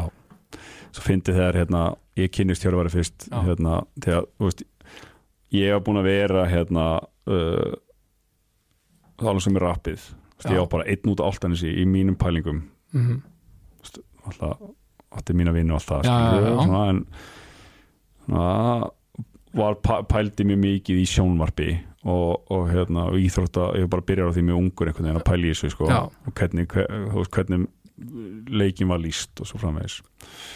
Og fannst, og, og fannst ég vita mjög mikið. Svo hérna, vorum við að vinna saman á DFF og þá er ég ekki að tala um bandarist í þessu og þá bara kemur hann bara, já þjóðverðin gerir það svona svona og svona svona. Og ég bara, þú veist, hann sagði og, og þá var hann að svona bera saman þýst í þetta sem ég ekkert hort á sko, og þá hugsaði ég bara, ok Það er bara, bara gaur sem að, þú veist, hérna miklu meir en ég um þetta búin að pæla miklu meir en ég þú veist, I need to step my game up Já, já, já, já. og þú veist, hérna og ég þekkti hann ekki neitt hann yfir, bara vissi að þetta var hérna, Hjörvar Hafleðarsson, já. skilur Leikmaður Breiðabliks Já. eitthvað, og hérna já, þú veist og það, svo fyndið þú hittir einhverja sem eru búin að pæla í svo ég veit alveg, þú veist, og hérna og svona, þú veist, þegar maður hlustar á dokk sko, þú veist, þá veistu hvað er mikið af klukkutím búið að fara í þessar pælingar sko. Já, og þú veist líka bara, veist, með eins og, eins og, eins og hann og þú og, og, fle, og, og fleiri, veist, ég elska þegar menn fara á dýftina, menn pæla í, þú veist, um með personu, karatinum, enginum leikmanna og, þú veist, já, pæla í, þú veist, hérna, ykkur utanakomandi, mér finnst það svo áhugavert og, og talandi um, þannig að ég vinn á DFF líka, þetta var ekkert smá teimi að ná Já, ykkur, og hvað, já. það var þú, Hjörvar Sóli, ekki satt? já, Sóli hérna, Dóri Já. DNA og ég kemur inn, inn út af honum að Mikael Torfarsson sem var það annar rittstjórun á samt Jónasi Kristjánsinni Já, að hérna, hann fílaði, við vorum hann saman í rappljósett við Dóri og, og Danny Deluxe, bæðirins bestu já, og hérna og hann fílaði svo plötuna og Já. Dóri sagði, ef þú sækir um þá færði vinnu sko. og þarna ja, hvað er við 19, 18, 19, 20 einhverstað á þessum aldri sko. Já, já, og, og þarna stíði mín fyrstu skref í, í, í blamisku, veist, Jakob Bjarnar sem er núna vísi, hann var Já. uh, Garðar Úlfarsson sem er núna hérna fréttablaðinu, Bergljóð Davíðsdóttir sem er, hérna var tók einhver bestu viðtöl sem að hægt er að taka. Karin Kjartansdóttir var þarna. Já. Uh, Það var ennvala lið. Einvala lið sko, Síman Birgisson, Andri Ólafsson sem er svona, og svona eina mínu fyrirmyndum í, í, í hérna, fjölmiðlum, hann Andri. Já, og hann er meitt gerði EM, hérna, var hann ekki svona, hvað? Rittstjóri EM í dag og bara svona umfjöllunar uh, stöðu til sports um EM. Það var frábært stöf, til Já, þess. hann, og það er svo gaman að tala við andra, hann pæli mjög mikið í þetta sko þannig að hann, þú veist, og, og svo hann var mikið hérna, og. Eiríkur Jónsson hann, ég var í bás með honum eh, sem að hérna, Já, er, já, einmitt, já, já, já. við Eiríkur Jónsson Já, sko, því ykkur, já, einmitt. og, og við sátum saman í svona bás eh, það var svona bak í bak sko Já.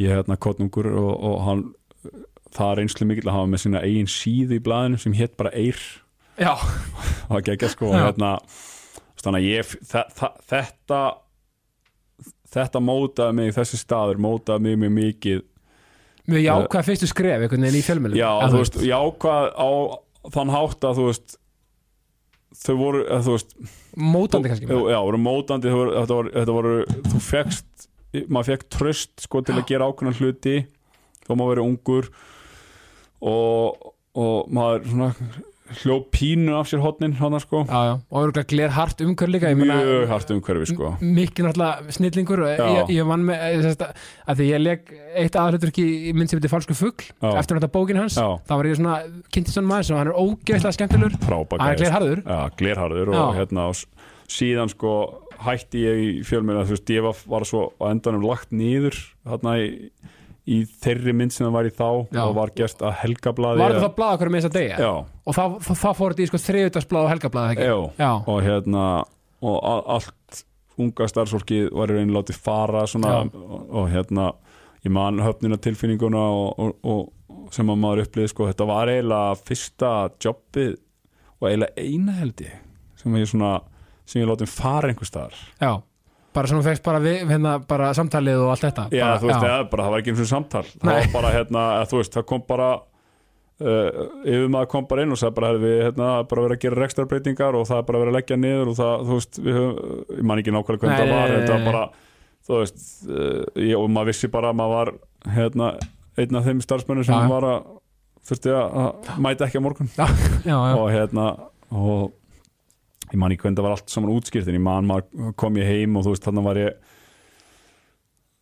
ég var búin að vera eitthvað í háskólan á mig og eitthvað og ég svona það vantaði mig eitthvað að gera meira og ég man bara þú veist fyrstu tveið því dagarnir fóru bara það að hugsa og þú veist þá fór ég að pæla þú veist á ekki að byrja að reyna að vera með svona Íslandst page 2 eins og það var þá. Bill Simmons og ESPN og svona maður fór alveg í svona pælingar en svo Mm. bara þú veist, fór ég helt áfram í námi og, og fór að kenna eins og svona þó ég sinna ekki Já. mentaði kennari og Það er hérna búin að kenna sér alveg, varst ekki umsönakennari 7. og 8. bekks eða bekkjar hérna í hérna svona, fylgdi árgangi eftir upp í úlingadeild Já, að miðst í 2008 til 2010 og hérna svo kom ég aftur inn í kennslu setna og þá var ég með 7. og 7. bekk og hérna uh, þá, svo var Mikki þá komin á fréttablaðið. Mm. já, já. og ég bara pikkaði hann og sá hann var að vera auglýsettir blaðamönnum. Mm. og fór þangað inn og, og það, það er það eru á næsta ári tíu ár síðan það var. Já að- þann, þannig að þú henni inn í þetta kompani sem blaðamaður já, á fréttablaðinu. Og svo, svo tekur við svo Hvernig byrjar þá í dagsfólkgerinn bara Sko, ná, það er bara það við, veist, ég, ég, það er náttúrulega bara korrubólta kvöld Basic, þannig að sko mm. fyrir að verða 8 árum síðan hann Eh, er hvað, 2012 Tjö, Nei, ég kem inn 2013 og, Já, sorry, já. og hérna 2015 byrjuðum með korubólta kvöld Já, já, já, einmitt, einmitt, einmitt. Og- Já, já, þá er ég samt í báðu sko veist, þá er ég líka í, og það var alveg sko, trikki það var mjög trikki sko, þetta er náttúrulega sérstaklega eins og þarna var fréttablaðið þú veist, það er náttúrulega ennþá blað mm. og- Já, já, hérna- bara ekki hér lengur Nei, nei, en þú veist og þá hérna var þetta jafnir held ég starra blað, ég veit ekki nákvæmlega hvernig starrin á þeirri núna sko, en hérna Já, já, já, bara einmitt, svona, þú veist, og, og bara fjöldi greina og svona og ég var uh, hérna með eitthvað smá svona, þú veist uh, það heitir innblæðið, mm. svona stundum að halda utanum þegar var loka, þú verið að loka blaðinu og svona, maður ætti að fylgja þessu eftir og passa upp á fyrirsagnina pössuðin í réttu hérna, eða þú veist, stölluð eins og það heitir Já, og bla bla bla bla bla og hérna, þannig að það er rosalega þú veist, þú kannski ert að gera ráð fyrir okkar hluti voru kannski þrjár heilar síður svo bara, herri, það klikka einna sala einna auglýsingu, þið þurfa að bæta við fjórðu síðinni og það er kannski klíma þrjú Já, og, og loka blaðinu fyrir sjö já, Öglis, já. það bara, herri, þið verður bara að finna eitthvað skilur. Og, og svo er kannski og svo fór ég kannski bara beint þaðan beint Já. yfir í körubóltakvöld Já, sko. ég er að segja, þú varst kannski með komið hugan líka aðeins þangað já, og þá, en, en í stressa loka, þetta er alveg agalega aðstæða að vera í, sko. Svo hérna Þú varst ég bara, nú væri ég að fara í fulltime í dagsverkjum ég, sko, ég er svo sem, nei ég, hérna maður er einhvern veginn, ve- maður venst svo umhverfinu sínu Já, og maður heldur að maður geti ekki gert neitt annað. Einhvern veginn ég er þannig að þú veist ég er bara svona ok, ég hérna, er bara fítn í þessu, ég ætla bara halda mig hér. Það var, það var mjög mikið hugsun áttum minn hann á þessum tíma. En svo kemur hjöra með þessa pælingu hvort þau mikið fara saman í útarpið og, og það er 2016 mm þannig að þetta voru þrjú ár í, í blaðamennsku og hérna og síðan þá hefur bara verið í dags, dagsvargerð Já, þú veist, í, sem frá 2016 já. Veitu hvað mótur þetta? 84, Þannig að 32 að bara kom bara fulltime í, í, í dagsverkjum, bara já. best aldrei, sko já, algjörlega og hérna og líka þú veist að því, að því að nú er ég þú veist líka ég er að gera dagsfaggjara og svona og er, er, í, er í alls konar hlutum einna uh, veist, leiðir ekki líka veist, að vera komin veist, að því ég er að hugsa skilur eins og núna þegar maður er að byrja í, í dagsfaggjörni líka. Mér líður þú veist, að því að ég er, ég er 31 sko, mm, mér líður svona þessi þroski ég aldrei geta ég sem byrjaði einhvern veginn fyrr í því einhvern veginn nei, já, ég skil hvað þú meina allt einhvern veginn á sín, sín tíma og sína vegferð ef maður ég- ætla sér eitthvað. Já, og ég er mjög svo bara seinþroska að eðlisfari eða skilur ég svona, þú veist, ég er barn í mér Ég líka sko. nefnilega. þannig að ég hérna maður þurfti að taka út seinþroska bara og, og, og líka út í að þú veist, þarna var ég hættur í körfu. Já, 32 mm.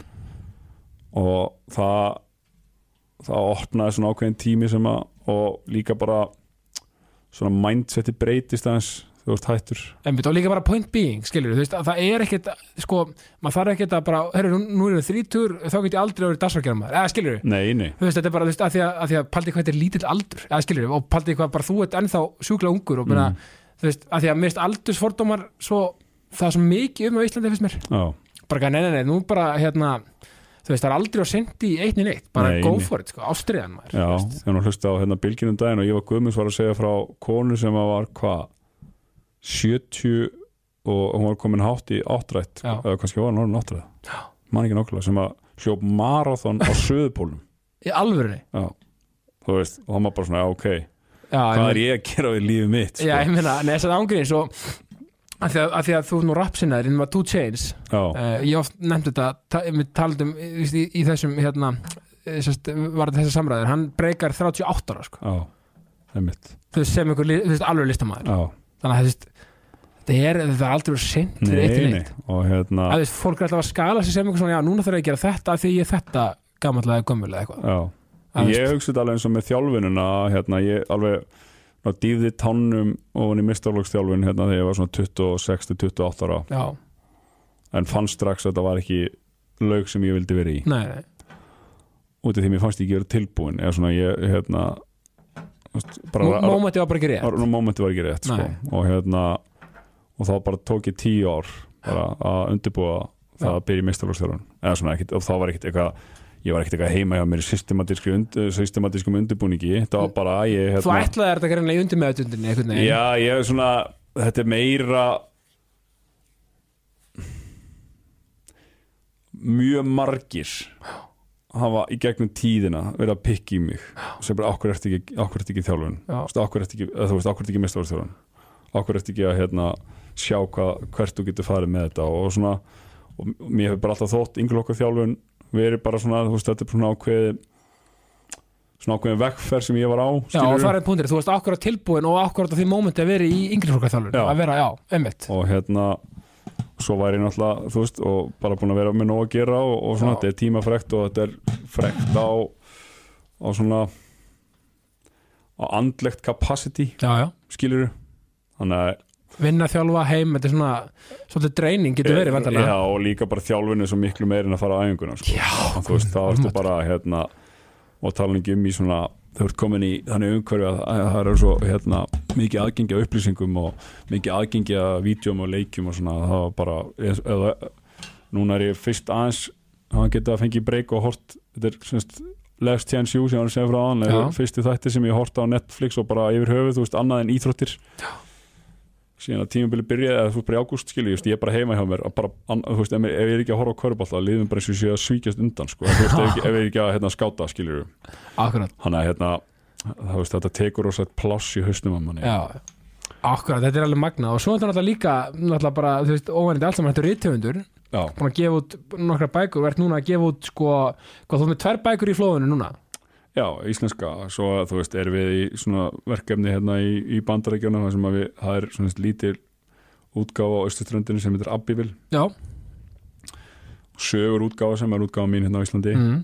uh, hefur verið í samstarfi við Abbiville uh, gefið út knassbyrnubækur já, og ég bara einhverju, einhverju rælinni hendum á handriti að, að hérna köruboltabók. Já, stjörnum þar í NBA já eða þú veist hérna já svona ég var uh, Stars of the NBA heitum, Já, og hérna já stjórnum NBA og, Já. og, og svo gerðum við líka Legends of the NBA sem kom út nú, hún er að koma út núna sko, Stars of the NBA kom út í fyrra. Já, og, og hérna þannig að já, þetta er rauninni þó að þú veist, það er, við vinnum stjórnar NBA mjög þú veist, hún er svona svipuð og hinnar tvær sem kom út í bandekjuna bara nema ég er á íslensku. Og Já. hérna, en þú veist, við það var alveg aðeins meiri vinna við að breyta, þú veist, að svona bakþýði þetta og breyta aðeins svona svona umfyllunarefninu á Mm. einhvern hátt, sko, en hérna en svona stóra dæmið eru náttúrulega þessar skáldsögur sem ég held ég geti aldrei gert. Langskoti lífsáska, það er nýjasta. Já, hvernig þetta er alveg, sko, þetta er ót og, og sko, hvernig var það, Brægi Bræði Páll. Brægi Páll, hann, hvað, hann var með þessu? Já, sem sagt hérna sagan eða sem sagt ástæðan fyrir að ég er að gera þetta veist, og ég hef sagt þessu sögu bara út því ég vil að fólk þarna úti sem að finnst það og þú veist líka eins og ég segja með hennar fund sem ég var á Mhm. sem að maður finnst maður að vera vittlisestum að henni í herbygginu Já, að ofta er maður með einhverja pælingar. Ég hef búin að vera með senur í bók. Já. Í maganum frá því ég var að kenna 2008-2010 Já. þá erum við einhverju ferðalagi og ég fæ hugmynda að einhverju fyrir að hugsa eitthvað og það bara, og þú veist, ég er með nokkra svona senur bara af alls konar hlutum já, sem ég svona er með nótir að annarkvort á blaði eða hausnum á mér. Já, og þetta var einn þeirra. Og þannig að ég er búin að vera með þetta og þróa bara hvað myndi gerast ef þetta myndi gerast og bla bla bla bla bla. Þannig að fræin voru í jarðveginum. Já, en ég var bara hrættu að viðkjöna það einmitt, þannig að þetta var svona skúfu hugmynd þetta var skúfuhugmynd Já. og síðan gerði ég hérna bók sem heitir Hrein Karfa Já. sem kom út fyrir tveimur árum síðan einmitt, og í henni á ég að fjallum NBA, ég er að fjallum uh, Íslensk kvöruboltafólk, viðtal við besta íslenska kvöruboltafólki, Mhm. mm. kafa hann í feril og tók viðtal við Pétur Guðmusson og fótt djúpt í ferilin hans og viðtal við hérna, uppáhalds kvöruboltafólki mitt frá bandaríkjanum sem hefði komið til Íslands Danny Rodríguez og Brendan Birmingham. Mm. uh, og alls konar hluti. Og, hérna, og líka bara hvernig krakkar, veist, mindset fyrir unga yðgöndur og, og fleira. Já, og þetta er mitt á meistardella kvöldi í november ég er nýbúin að klára og er þarna er hva- kannski kvöldi í oktober það er sem bókin er mm. út í prentun. Já, og ég er bara með pdf skjæri tölvunni bara svona fara yfir og bara svona hugsa hvernig ætli verið að fá þessa bóki í hendunar og eitthvað svona. Já, og reynir le svo mikli mikli snillingur og, og góði maður. Já. Og frábær pöndit bara. Frábær pöndit já, bara hann er svona, hann vill að hérna, fólk blómstri kringu sig. Já, vill að öllum gangi vel. öllum gangi vel. Og hérna hann er hérna og ég segi hérna, ég er að skrifa þessi bók hérna, hvernig líst þér á þetta? Og hann svona er að skoða þetta og leist mjög vel á þetta. Svo segir hann svona við mig bara þeir eru búin að skoða þetta herri, áskorun fyrir næstu jól. Það er skáldsaga fyrir börn og líka ég veit þú getur það, segir hann eitthvað svona við mig. Hérna, bara peppaði hérna bara ég veit þú getur þetta og veist, bara svona lagði fram bara case og ég er bara svona ok. Daginn eftir fer ég hérna nýr á lagar hjá á sögum. Hitti þar Tómas Hermansson sem er annar eigendan á samt konu sinni, önnu Margreti já, og segi Tóma frá þessu, hann er knaspununandi mikill, já, spilaði fótbolta og sonur hans er uh, eitt besti vinstri bakurur uh, deildarinnar, uh, besti deildarinnar Já. Logi Lógi Tómasson. Og hérna, og Tommy bara svona ég segi þetta á Tommy, bara hérna, hérna þetta er hérna, þetta reynir leikum þessa pælingu og hann bara hún leist geðu til þetta. Já. og ég svona, þarna var ég bara svona oh, ég hefði gett að segja að þetta þarna settur þú pressupunkt á þig? Já, svona ómeð þetta kannski. Já, já, já, eða kannski með þetta já, og hérna, svo bara vonaðist ég til að Tommy myndi gleyma þessu. Já, svo bara hérna nýju ári þá byrjar hann og heldur hann áfram að rukka mig um sögun og rukka mig um sögun og rukka mig um sögun og, og er að hann fylgdi þessu vel hann eftir fylgdi svo vel eftir, Já. hann hafði miklu trú á þessu. Og ég, ég var með einhverja pælingu sem hann leist vel á. Það kemur, kemur á bók. Já, og hérna og veist það er líka bara ótrúlega gott samstarf okkar á milli, það er bara svona vinskapur. Og varstu basically bara með beinagriðina af sögun já og bara svona einhverja senur, Senur, og og bara uh, reynslu heim sem Mhm. ég gæti svona farið í þetta eru köruboltakrakkar, ég er búin að þjálfa körubolta börn í körubolta í 20 ár mm. og svo þegar svona var að- mánuðu komin á, á pikki eða eitthvað, ég veit ekki nákvæmlega þú veist og þetta var ekkert eins og hann var eitthvað alltaf að pikka nei, hann bara svona að við tölum, tölum alveg reglar saman. Já. svona, bara ekki byrjað að skrifa eins og svona. Og, og, ég var, og líka ég svona bína pressa sjálf á mig. Og þá hérna en samt svona pínu svona tilbaka með já, það. pínu tilbaka en pínu já, pressa þetta já. er svona eins og maður er oft sko. já, og ég var hrættu við þetta. Emitt þá bara segi ég við hann ég hérna, kann ekki skrifa skáldsögu. Og ég þarf hjálp. Já, sem að er það sem að ég hef, ég hef verið að fara í, núna að lesa í, í grunnskólum núna. Ég segi þetta við krakkana það er besti kostur sem ég hef sem manneskja er þetta geta viðurkennt fyrir sjálfum mér ef ég veit ekki eitthvað, þetta er Einmitt. líka eins og maður er að þjálfa. Maður þarf að viðurkenna, það er ákveðin þættir í íþróttinni sem ert ekki alveg af góður og einhver annar í. Emitt og sækja þér hjálp. Akkurat, og það er bara hugrekki og bara algjör svona það er bara digð mögulega sko og hérna og, og ég held að sé bara öllum holdt og, og fólk á ekki að hrættið því að upp og þú veist og, og ég nefndi þetta Tom og hann bara herði hérna mér þetta strax í hug eitt sem að er hjá þú veist sem er, var þá hjá sögum. Já, það er Bragi Pál og ég hafði þekkt Braga Pál bara rétt svo hann, við keftum á móti hverju öðrum í Morfís í gamla daga. Jaggan og ég og hann var Mhm. góðu vinnu Dóra DNA og svona, hann er svona smá kunniskapur og svo vissi ég að hann var Boston Celtics aðdáðanda eins og ég. Já, Glerharður. Glerharður. Og hérna og við byrjum bara á svona hittu umst og ja, hérna, fyrst þá sendi ég á hann allar pælingarnar og Já, hann svona fer að pæla með hérna, bara formi, ég ætla að skrifa þetta í þriði personu.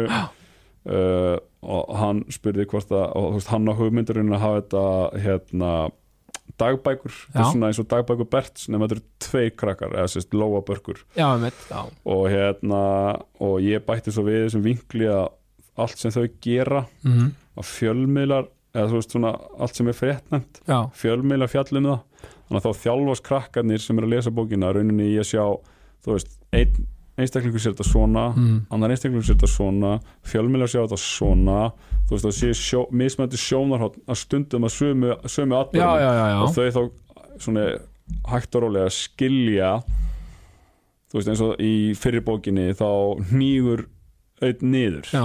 í leik og það er, það er semst, hérna, fjölmiðlar fjalla um, um þann atbyrð já, já. Og þá er rauninni fá krakkarnir að sjá veist, hvað er það sem fjölmiðlar myndur hvernig myndir þeir greina frá þessum atbyrði sem þau, Lóa og Börkur voru bæði búin að greina frá, Börkurinn á vellinum Lóa er í stúkunni, Já. Lóa er að segja frá rauninni hvernig krakkarnir í fjarskanum brúðust við, Mm Börkur er að segja frá hvernig það var að þú veist, vera, þú veist, heyra dinkin í parkettinu þegar gauðin bara, bara slöknar á honum Já, og hérna og svo koma fjölmiðlarnir og fjallum og er ekki kannski með alveg sömu upplýsingar og svona þú veist þannig að uh, bræði á strax part af þessum hérna, og stórnum þátt í þessum frásagnastýl sko. Og það er líka að hjálpa mér að skrifa út af því að ég byggi þetta pínu á blaðmennsku að þetta eru dagbókafæslur þar sem Mm. ég er að greina frá atbyrjun dagsins og ég, þetta eru pínu þú veist, þú húkkar inn, þú segir bara það var eitthvað ákveðin að gerast en ég ætla bara að byrja byrjuninni skilja hann að þú lesandi fær strax í stæðan Já. fyrir ég vaknaði morgun þá farir strax bara, herri, það var eitthvað rosalega gerast. Þú veist eins og bara fyrsti kablin í nýju bókinni í langskoti lífsáska fyrsti orðin er bara bláljós Já. mjög skær bláljós.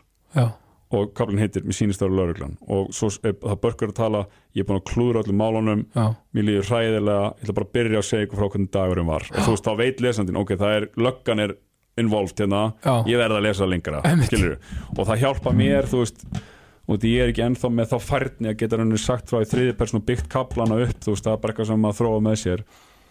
Hérna, hann að mér þykir betra að taka bara atburði og segja frá þeim rauninni eins og einmitt. Og þannig er rauninni Það er svolítið þitt nýs líka. Já, mitt nýs og, og, hérna, og þannig eru blaðagreinar og eiga góða blaðagreinar að vera. Já, að þú segir þú, veist, þú byrjar á að segja frá atbyrðinum já, og svo kemur við baksuguna einmitt. Eina sem maður þarf að gera er að þú vilt ekki spilla rauninni segja þú veist allt sem gerist en þú vilt byrja á það er eitthvað rosalegt sem var að Já, gerast ekki, hérna, ekki sko. pönslæðinni strax í byrjun Nei, en í, Nei. í blaðamennsku myndir gera það. En hérna hann að Bræi kemur og hann er svona rítstjóri af fyrstu bókinu má segja. Þetta er svona pínu eins og hann hafi verið engaþjálfari Já, og hérna og bara kendi mér mjög margt og þá lærir þú svona ákveði handbraða sögum og svo fyndi þegar maður er búin að það eru til bækur náttúrulega um þetta hvernig að byggja upp sögur og svo erum við með svona uh, ég er með svona hérna spilastokk sem að þú hengir upp á vegg og þú ert með post-it með það og þú er svona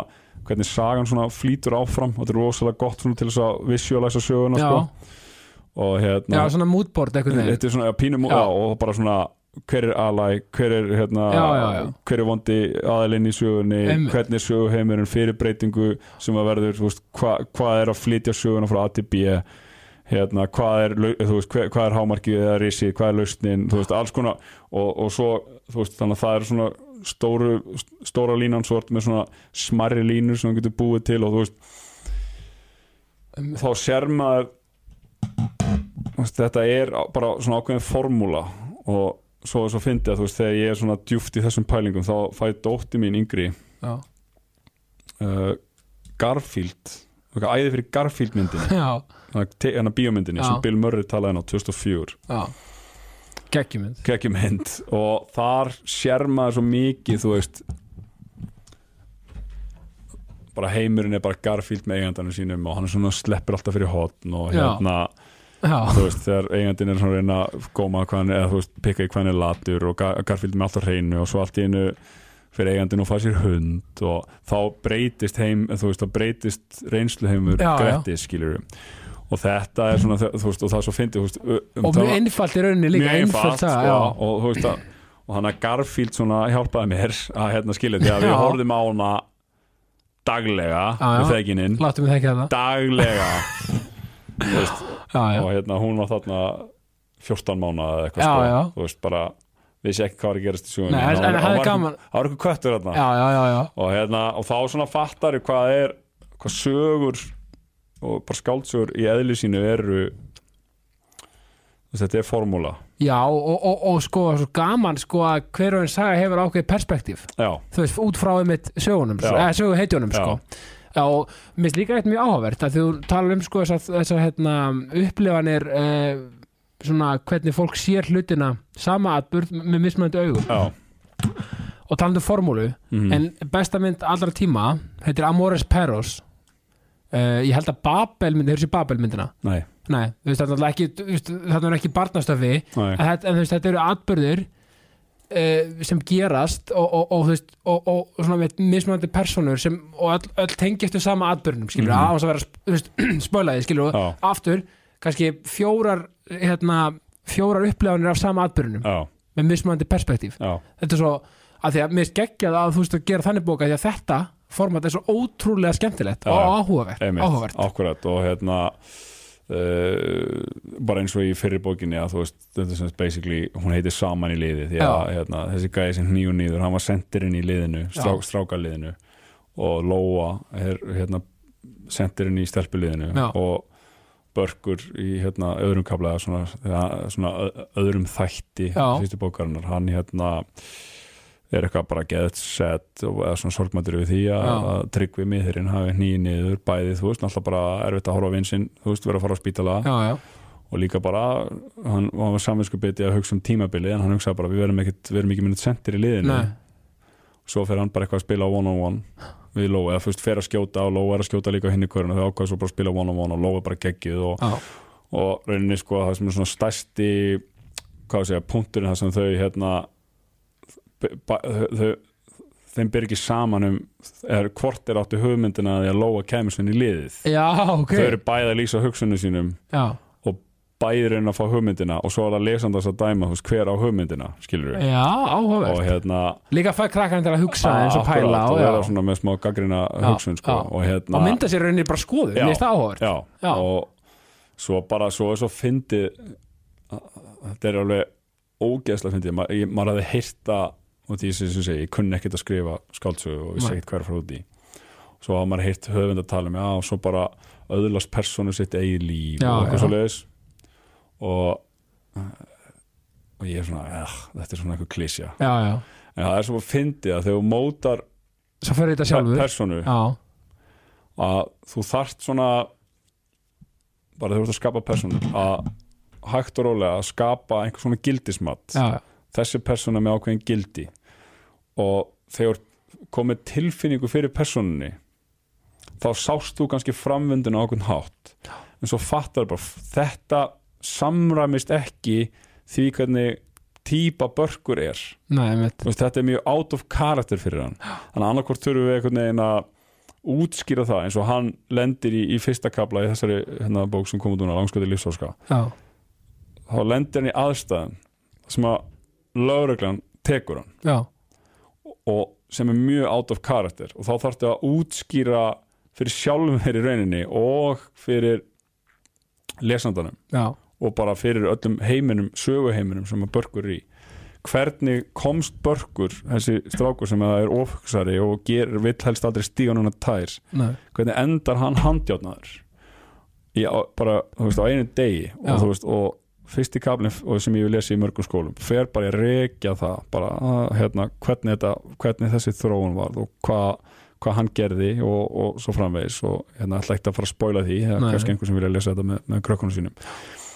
Þannig að hérna personarna verða ljóslifandi í hausnum á manni já, sem er ótrúlega fyndin pæling og þú veist, núna er maður, nú er ég svona byrjar að mappa út sögu þrjú og þá er ég svona og, og er svona að pæla hvernig við höfum formið og bla bla bla og með nokkur aðeins svona að breyta og, og þá er svo fyndið að þau, þá eru þar einhvern veginn þú veist, maður er að sjá persónuna fyrir sér í þessum mismjöndi aðstæðum sem að maður er svona tekni upp í hausnum á Já. sko, hvernig var ég lóa þarna og þú veist, þetta er ógæslega hérna, þetta er ótrúlega holt svona, veist líka fyrir höfundu bara já, Já. og bara skemmtilegt í rauninni að þú veist, þú er bara búin að skapa einhver, einhverja hérna, einhverja persónur og, og svo þú veist, og svo að það sem er alltaf skemmtilegast við þetta er að að þú veist, bara síðast í gær að var ein hérna kona sem sagði mér frá því að mér finnst þetta geggi pæling að hérna þar er búið að gera þann, þannig díl við jólaseinana að það er stekkjast þau sem gefur stóra já, alltaf bók. Já. Bara, alltaf, bara, bara alltaf sama? Já, bara bók Já, ég segi, já. svo að sé hægt að lesa eitthvað afvendunni já, nákvæmlega. Já, mér var þetta oft sko bók frá kertasníki þegar ég var alast upp. Þá var maður kannski ekki alveg með hausin í það þegar maður er að býja þér aðfangadeginu þannig að krakki sko. Hausinn farinn. Hausin farin sko. En hérna þá er já. stekkjastur gefið honum hérna, það er þetta mjög sniðt stekkjastur gaf honum langskoti lífsaska sín þessari konu. Já, og hún sagði mér bara þú veist það er svona hann fer bara svona yfirlt að sofa upp á tíu. Já, já það er ekkert eitthvað strangt sko en bara svona og hann og svona fyrst bara upp í rúma kannski eitthvað að horfa á eitthvað eða eitthvað. Já, og svona er lítið fyrir að vaka fram eftir en svo hafði það hirt í honum eitthvað eftir miðnætti. Já. og þá bara gata hann ekki lagt bókina frá sér. Nei, og hérna var bara fastur að lesa, svo aðeins maður búin að heyra af hérna einhverjum sem að- var búin að hlusta á því að ge- s- saman í liði eins og við ætlum að gera í langskoti Já. fór á hérna Storytel, já, búin að hlusta á hann eða lesa hana 60 til 80 sinnum. Já, vel gert. Og hérna svo er þú veist uh, það er önnur hérna sem að ég heyrði af stelpa sem að hérna gæti ekki lagt hana frá sér og, og hérna vakti heilu nættirnar og svo er einhverju sem hafa upplifað alls konar tilfinningar að þessi sko já, saman í liði var meira svona A til B bók Mm, já, skilur já. og við að kynnast hérna, Lóabergi og, og söguheiminum. Já, já, og þessi er með fleiri svona núansa. Já, já, já. og spilar á svona stærri hlut af, af litrófi tilfinningana það er alveg svona þú veist, gleðilegir atbyrðir og sorglegir atbyrðir og svo framvegis sko.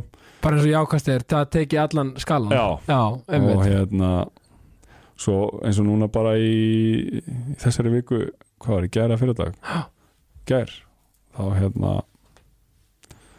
kom hérna dómur í, í hérna bókablaði stundarnar já, það sem er eins og geggja það hérna, það er hérna 12 ára ritrínir bókarínir, já. Ótrúlega hérna það, en meina þarna farið bara, bara álit beint frá bara, ma- bara full, markkópnum fulltrúa markkópsins hérna, þetta er eitthvað nýtt sko. Og það var hérna og það var gaman að lesa, veist, hann alveg bara hann fannst hún spennandi, fyndin, skemmtileg. Uh, og gaf henni fjóra og hálfa og sagði henni til lokin hérna eina ástæðan fyrir að fá fjóra og hálfa er ég verða að halda eftir hálfri stjórnu fyrir næstu bók. Og hérna já, já, já, að maður bara, það var rúkslega gaman að sjá og þú veist, þetta er bara svona, ég meina hún er með 4,6 fjó- og búin að vera með 4,6, 4,7 þú veist, flakka þar á milli á Storytel fyrir já, bókin sko. já, uh, þannig að krakkarnir eru að fíla þú veist, það er ógeðslega gaman þú veist, það gefur mann alveg helling þegar þegar þú veist að lesendur njóta þess að, að sem þú skapaði sko. það er náttúrulega uh, at the end of the day er þetta fyrir þau. Já, og þetta er bara þú veist, við erum að reyna að skapa verk uh, fyrir ungt fólk til þess að njóta þú veist, og, þú veist, jú, það er alltaf alls konar bóðskapur í þessu, en þetta er líka bara stund, sum, sum atriðin eru bara spennandi for the sake of being spennandi, Einmitt. skilur við viljum bara hafa einhverja spennu og þetta er svona eins og ég hef sagt, þetta er pínur svona svo diehard fyrir krakka, já, að það er bara frá fyrstu mínútu er bara Já. spenna já, og hérna, og þú veist, þú vilt bara snúa bara fletta blaðsjónum bara og halda áfram að lesa því að þú veist, það bara hérna, það er alltaf eitthvað nýtt að koma upp, já. skilur eitthvað það er geggjað. Og líka þú veist bara það er svo gaman að þetta er svo mikið listform er svo, þú ert líka bara listamæður í þér sko, þetta er svona að því að þú veist það að skapa heim og skrifa og kom með sjónarhótt kom með ádeilu kom með uh, bóðskap þetta er meira að segja sko. Já, algjörlega og, og hérna og þess vegna er svo gott líka að hafa, hérna, hafa braga með sér í þessu og svona fá að, sko, eins og núna þessa bók, bara vorum við með Google Docs skjál skrifum, skrifum mikið saman og og tóku svona tarnir þar sem að þú veist við erum báðir uh, fjölskyldumenn já, já, og, og hérna það koma bara stundum, þú veist, sérstaklega þú ert að gera þetta svona on the side. Mm þá er betra að hafa marga mánuði þá getur það bara tekið nokkuð kvöld og næst, og þú veist, og við svona tókum svona rispur, svo bara heyrðust við kannski Já. tveim dögum setna þegar hinn var búin að lesa og melta og já, já, pæla, er þetta rétt og svona og það sem ég tók eftir sem að er vannmetin þáttur þegar kemur að hérna skáldum, er hvað Já. bræði þarf fá orð til að segja mikið já, það er nefnilega rosalega með kostur og sko. það var svona sta- það var stærsti lærdómi minn er bara svona ég var á, stundum að of útskýra less is more stemmingin less is more og þú láta lesandi lesandi fattar þetta alveg. Og ekki bara ég var sko að meina það að hérna, nánast til skilur og hérna og, og, og, og hafa hann svona til þess að þú veist og við hérna hittust alveg hérna nokkru sinni vorum að gera þetta og, og, svo var þetta mikið bara sími og net skilur já, já. og, og við tókum alveg svona góðan góðan hitting í hérna þegar vorum að svona slaufa framvöndinni Já, um hvert fyrir þetta og hvað er að gerast og hvernig kláru við þessa ógöngur sem krakkarnir komin að þú veist, skilur og hérna eins og titlinn gefur til kynna, það er Mm. lífsháski. Hvernig kláru við lífsháskana þú veist, og, og, og svo framvegs og þú veist og það er og, þú veist, svo tókum við stóra ákvörðunum eina persónuna þarna og- sem að hérna, fólk mun sjá þegar það les bókina. Þannig að það er alveg svona hérna og, veist, og það var svona ákvörðun sem við tókum já, og hérna á hans að fara á djúftið þá já, svo var ég bara svona viku setna var ég bara svona ah, veist, hvað vorum við að gera? Skilur svona en samt var þetta rétt ákvörðun þú veist, það var svona margt já. svona sem að það er svo gaman. Það er ógislega gaman og þetta er svona þetta veitir manni ákveðin flótta að þú veist og þetta er svona og því ég er í svona mm, freka mörgum verkefnum þannig. Já, já.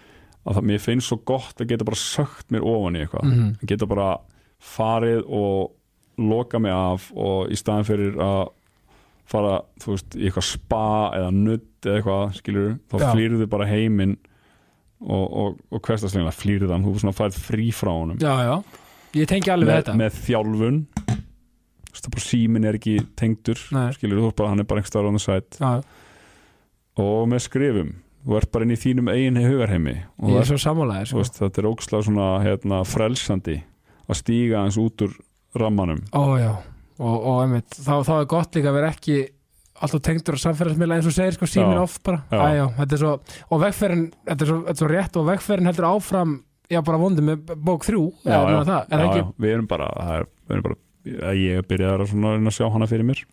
Þetta, veistu þetta er svo það er líka svo gaman að geta gert eitthvað fyrir þennan hóp, þennan aldurshóp uh, sem er jákvætt veist, kreatíft og hvetjandi í leðinni, já, það er mjög gaman og ég er alltaf búin að veist, kendi þessum aldrei og búin að þjálfa mjög mikið Ja. þú veist, 10 Já. til 15 ára aldur sko þetta er bara mjög, mjög, mjög erf, ofta er bara svolítið mótandi og erfiður aldur bara, og gott að fá eitthvað svona hvetjandi inn í, inn í þú veist, já, og líka hvetja til lestus ég meina, það að lesa er bara eitt af besta sem maður getur gert sko. akkurat. Og ég hérna og svo er náttúrulega ógslag gaman að fá að fara og heimsækja krakkan ég fór núna hérna síðasta skóla heimsóknir mín var garðaskóli, minn gamli skóli. Já, já, og heimsæktu það er áttundabekk og dóttir mín er einmitt þar sko. Og hérna það var ógslag gaman og, hérna þetta er bara svona fyrir mér er þetta forréttindin sko. Að vera í aðstöðu það sem, hérna, sem ég gætt svona nota það, ég var búin að gera reyna körfu ég var búin að svona koma á á stað þessu sambandi við útgáfu sem að hafa þá trúa því að ég gæti farið í þessar áttir, Já. ég gætt sótt mér aðstóð og ég gætt lært eitthvað nýtt þú veist, og ég hafi haft hugmyndum hvernig átt að gera það, þá hafi ég samt ekki hugmyndum hvernig Nei. átt að gera það. Og það er svona þa þarna finnst mér uh, hérna, gaman að vera og gaman að prófa, prófa að fara nýja lendur og svona og, og upplifa svona nýjar áskoranir því að þetta er svo sannarlega áskorun að skrifa, skrifa bókin, hún er ótrúlega gefandi. Já, og ég hvet bara alla líka með til þess að bara tjekka á þessum bókum og bara, hvað sem jólapakkan er bara almennt, þetta er, þetta er magnað og, og einmitt, allt sem er jákvætt og hvetjandi og svona og mótandi líka er svo gott og, og, og einmitt, aftur forutindi einmitt, að geta deilt með sinni sköpun og sínum, sínum pælingum með bara, veist, með öllum þetta bara, gæti ekki verið betra sko. Nei, og, og líka bara ég, svona inntaki mitt er alltaf maður fer í gegnum da daginn og Mhm. maður, maður fer í gegnum lífið stundum vitandi það að það er eitthvað meira sem er inn í manni Já. og maður þórar ekki að draga það fram eða maður, manni finnst eins og aðrir hafi ekki áhuga á því eða þú veist, reynum að láta vaða. Reynum að fara alla leið. Einmitt, fylgjum ástöðinni og, og ég það er alveg þannig að það er ekki allir í þeirri aðstöðu veist, er bara spilin raðast ekki rétt fyrir alla skilur nei. en ef það er eitthvað aðna inn í ykkur sem að þið, þú veist, ykkur langar að leysa úr laðingi, prófiði, sjáu hvað gerist og ef það klikkar, þá opnast mjögulega miljónara dyr upp á Akkurat. og þá finnur þú þína vegferð kannski bara í þ- þeirri verð- vegferð sem var ekki rétt fyrir þig. Já, akkurat. Og hérna, þannig að hérna því ég veit að það eru inn við beinu rosa margir rithöndar og það eru rosa margir með hugmyndir og, og, hérna, og hvernig hérna, reynir náði að, að pikki mig á, réttum tíma og þetta er líka málið, hávítaminni, rósið og Já. peppið einmitt, gefum líka svolítið af okkur í því. Þú veist, Já. rósum og hvetjum fólk til dáða. Já, ég held bara að það sé bara, ég held þessi fullkomin lokaður hjá okkur kjartan, ég er bara ég er allavega hérna tví eldur inn í þennan dag. Já, sama hér. Já, bara, það er gaman, kjartan allir takk hella fyrir komin í jákastið. Sömulegis takk fyrir mig. Og við endum bara því að segja ást og friður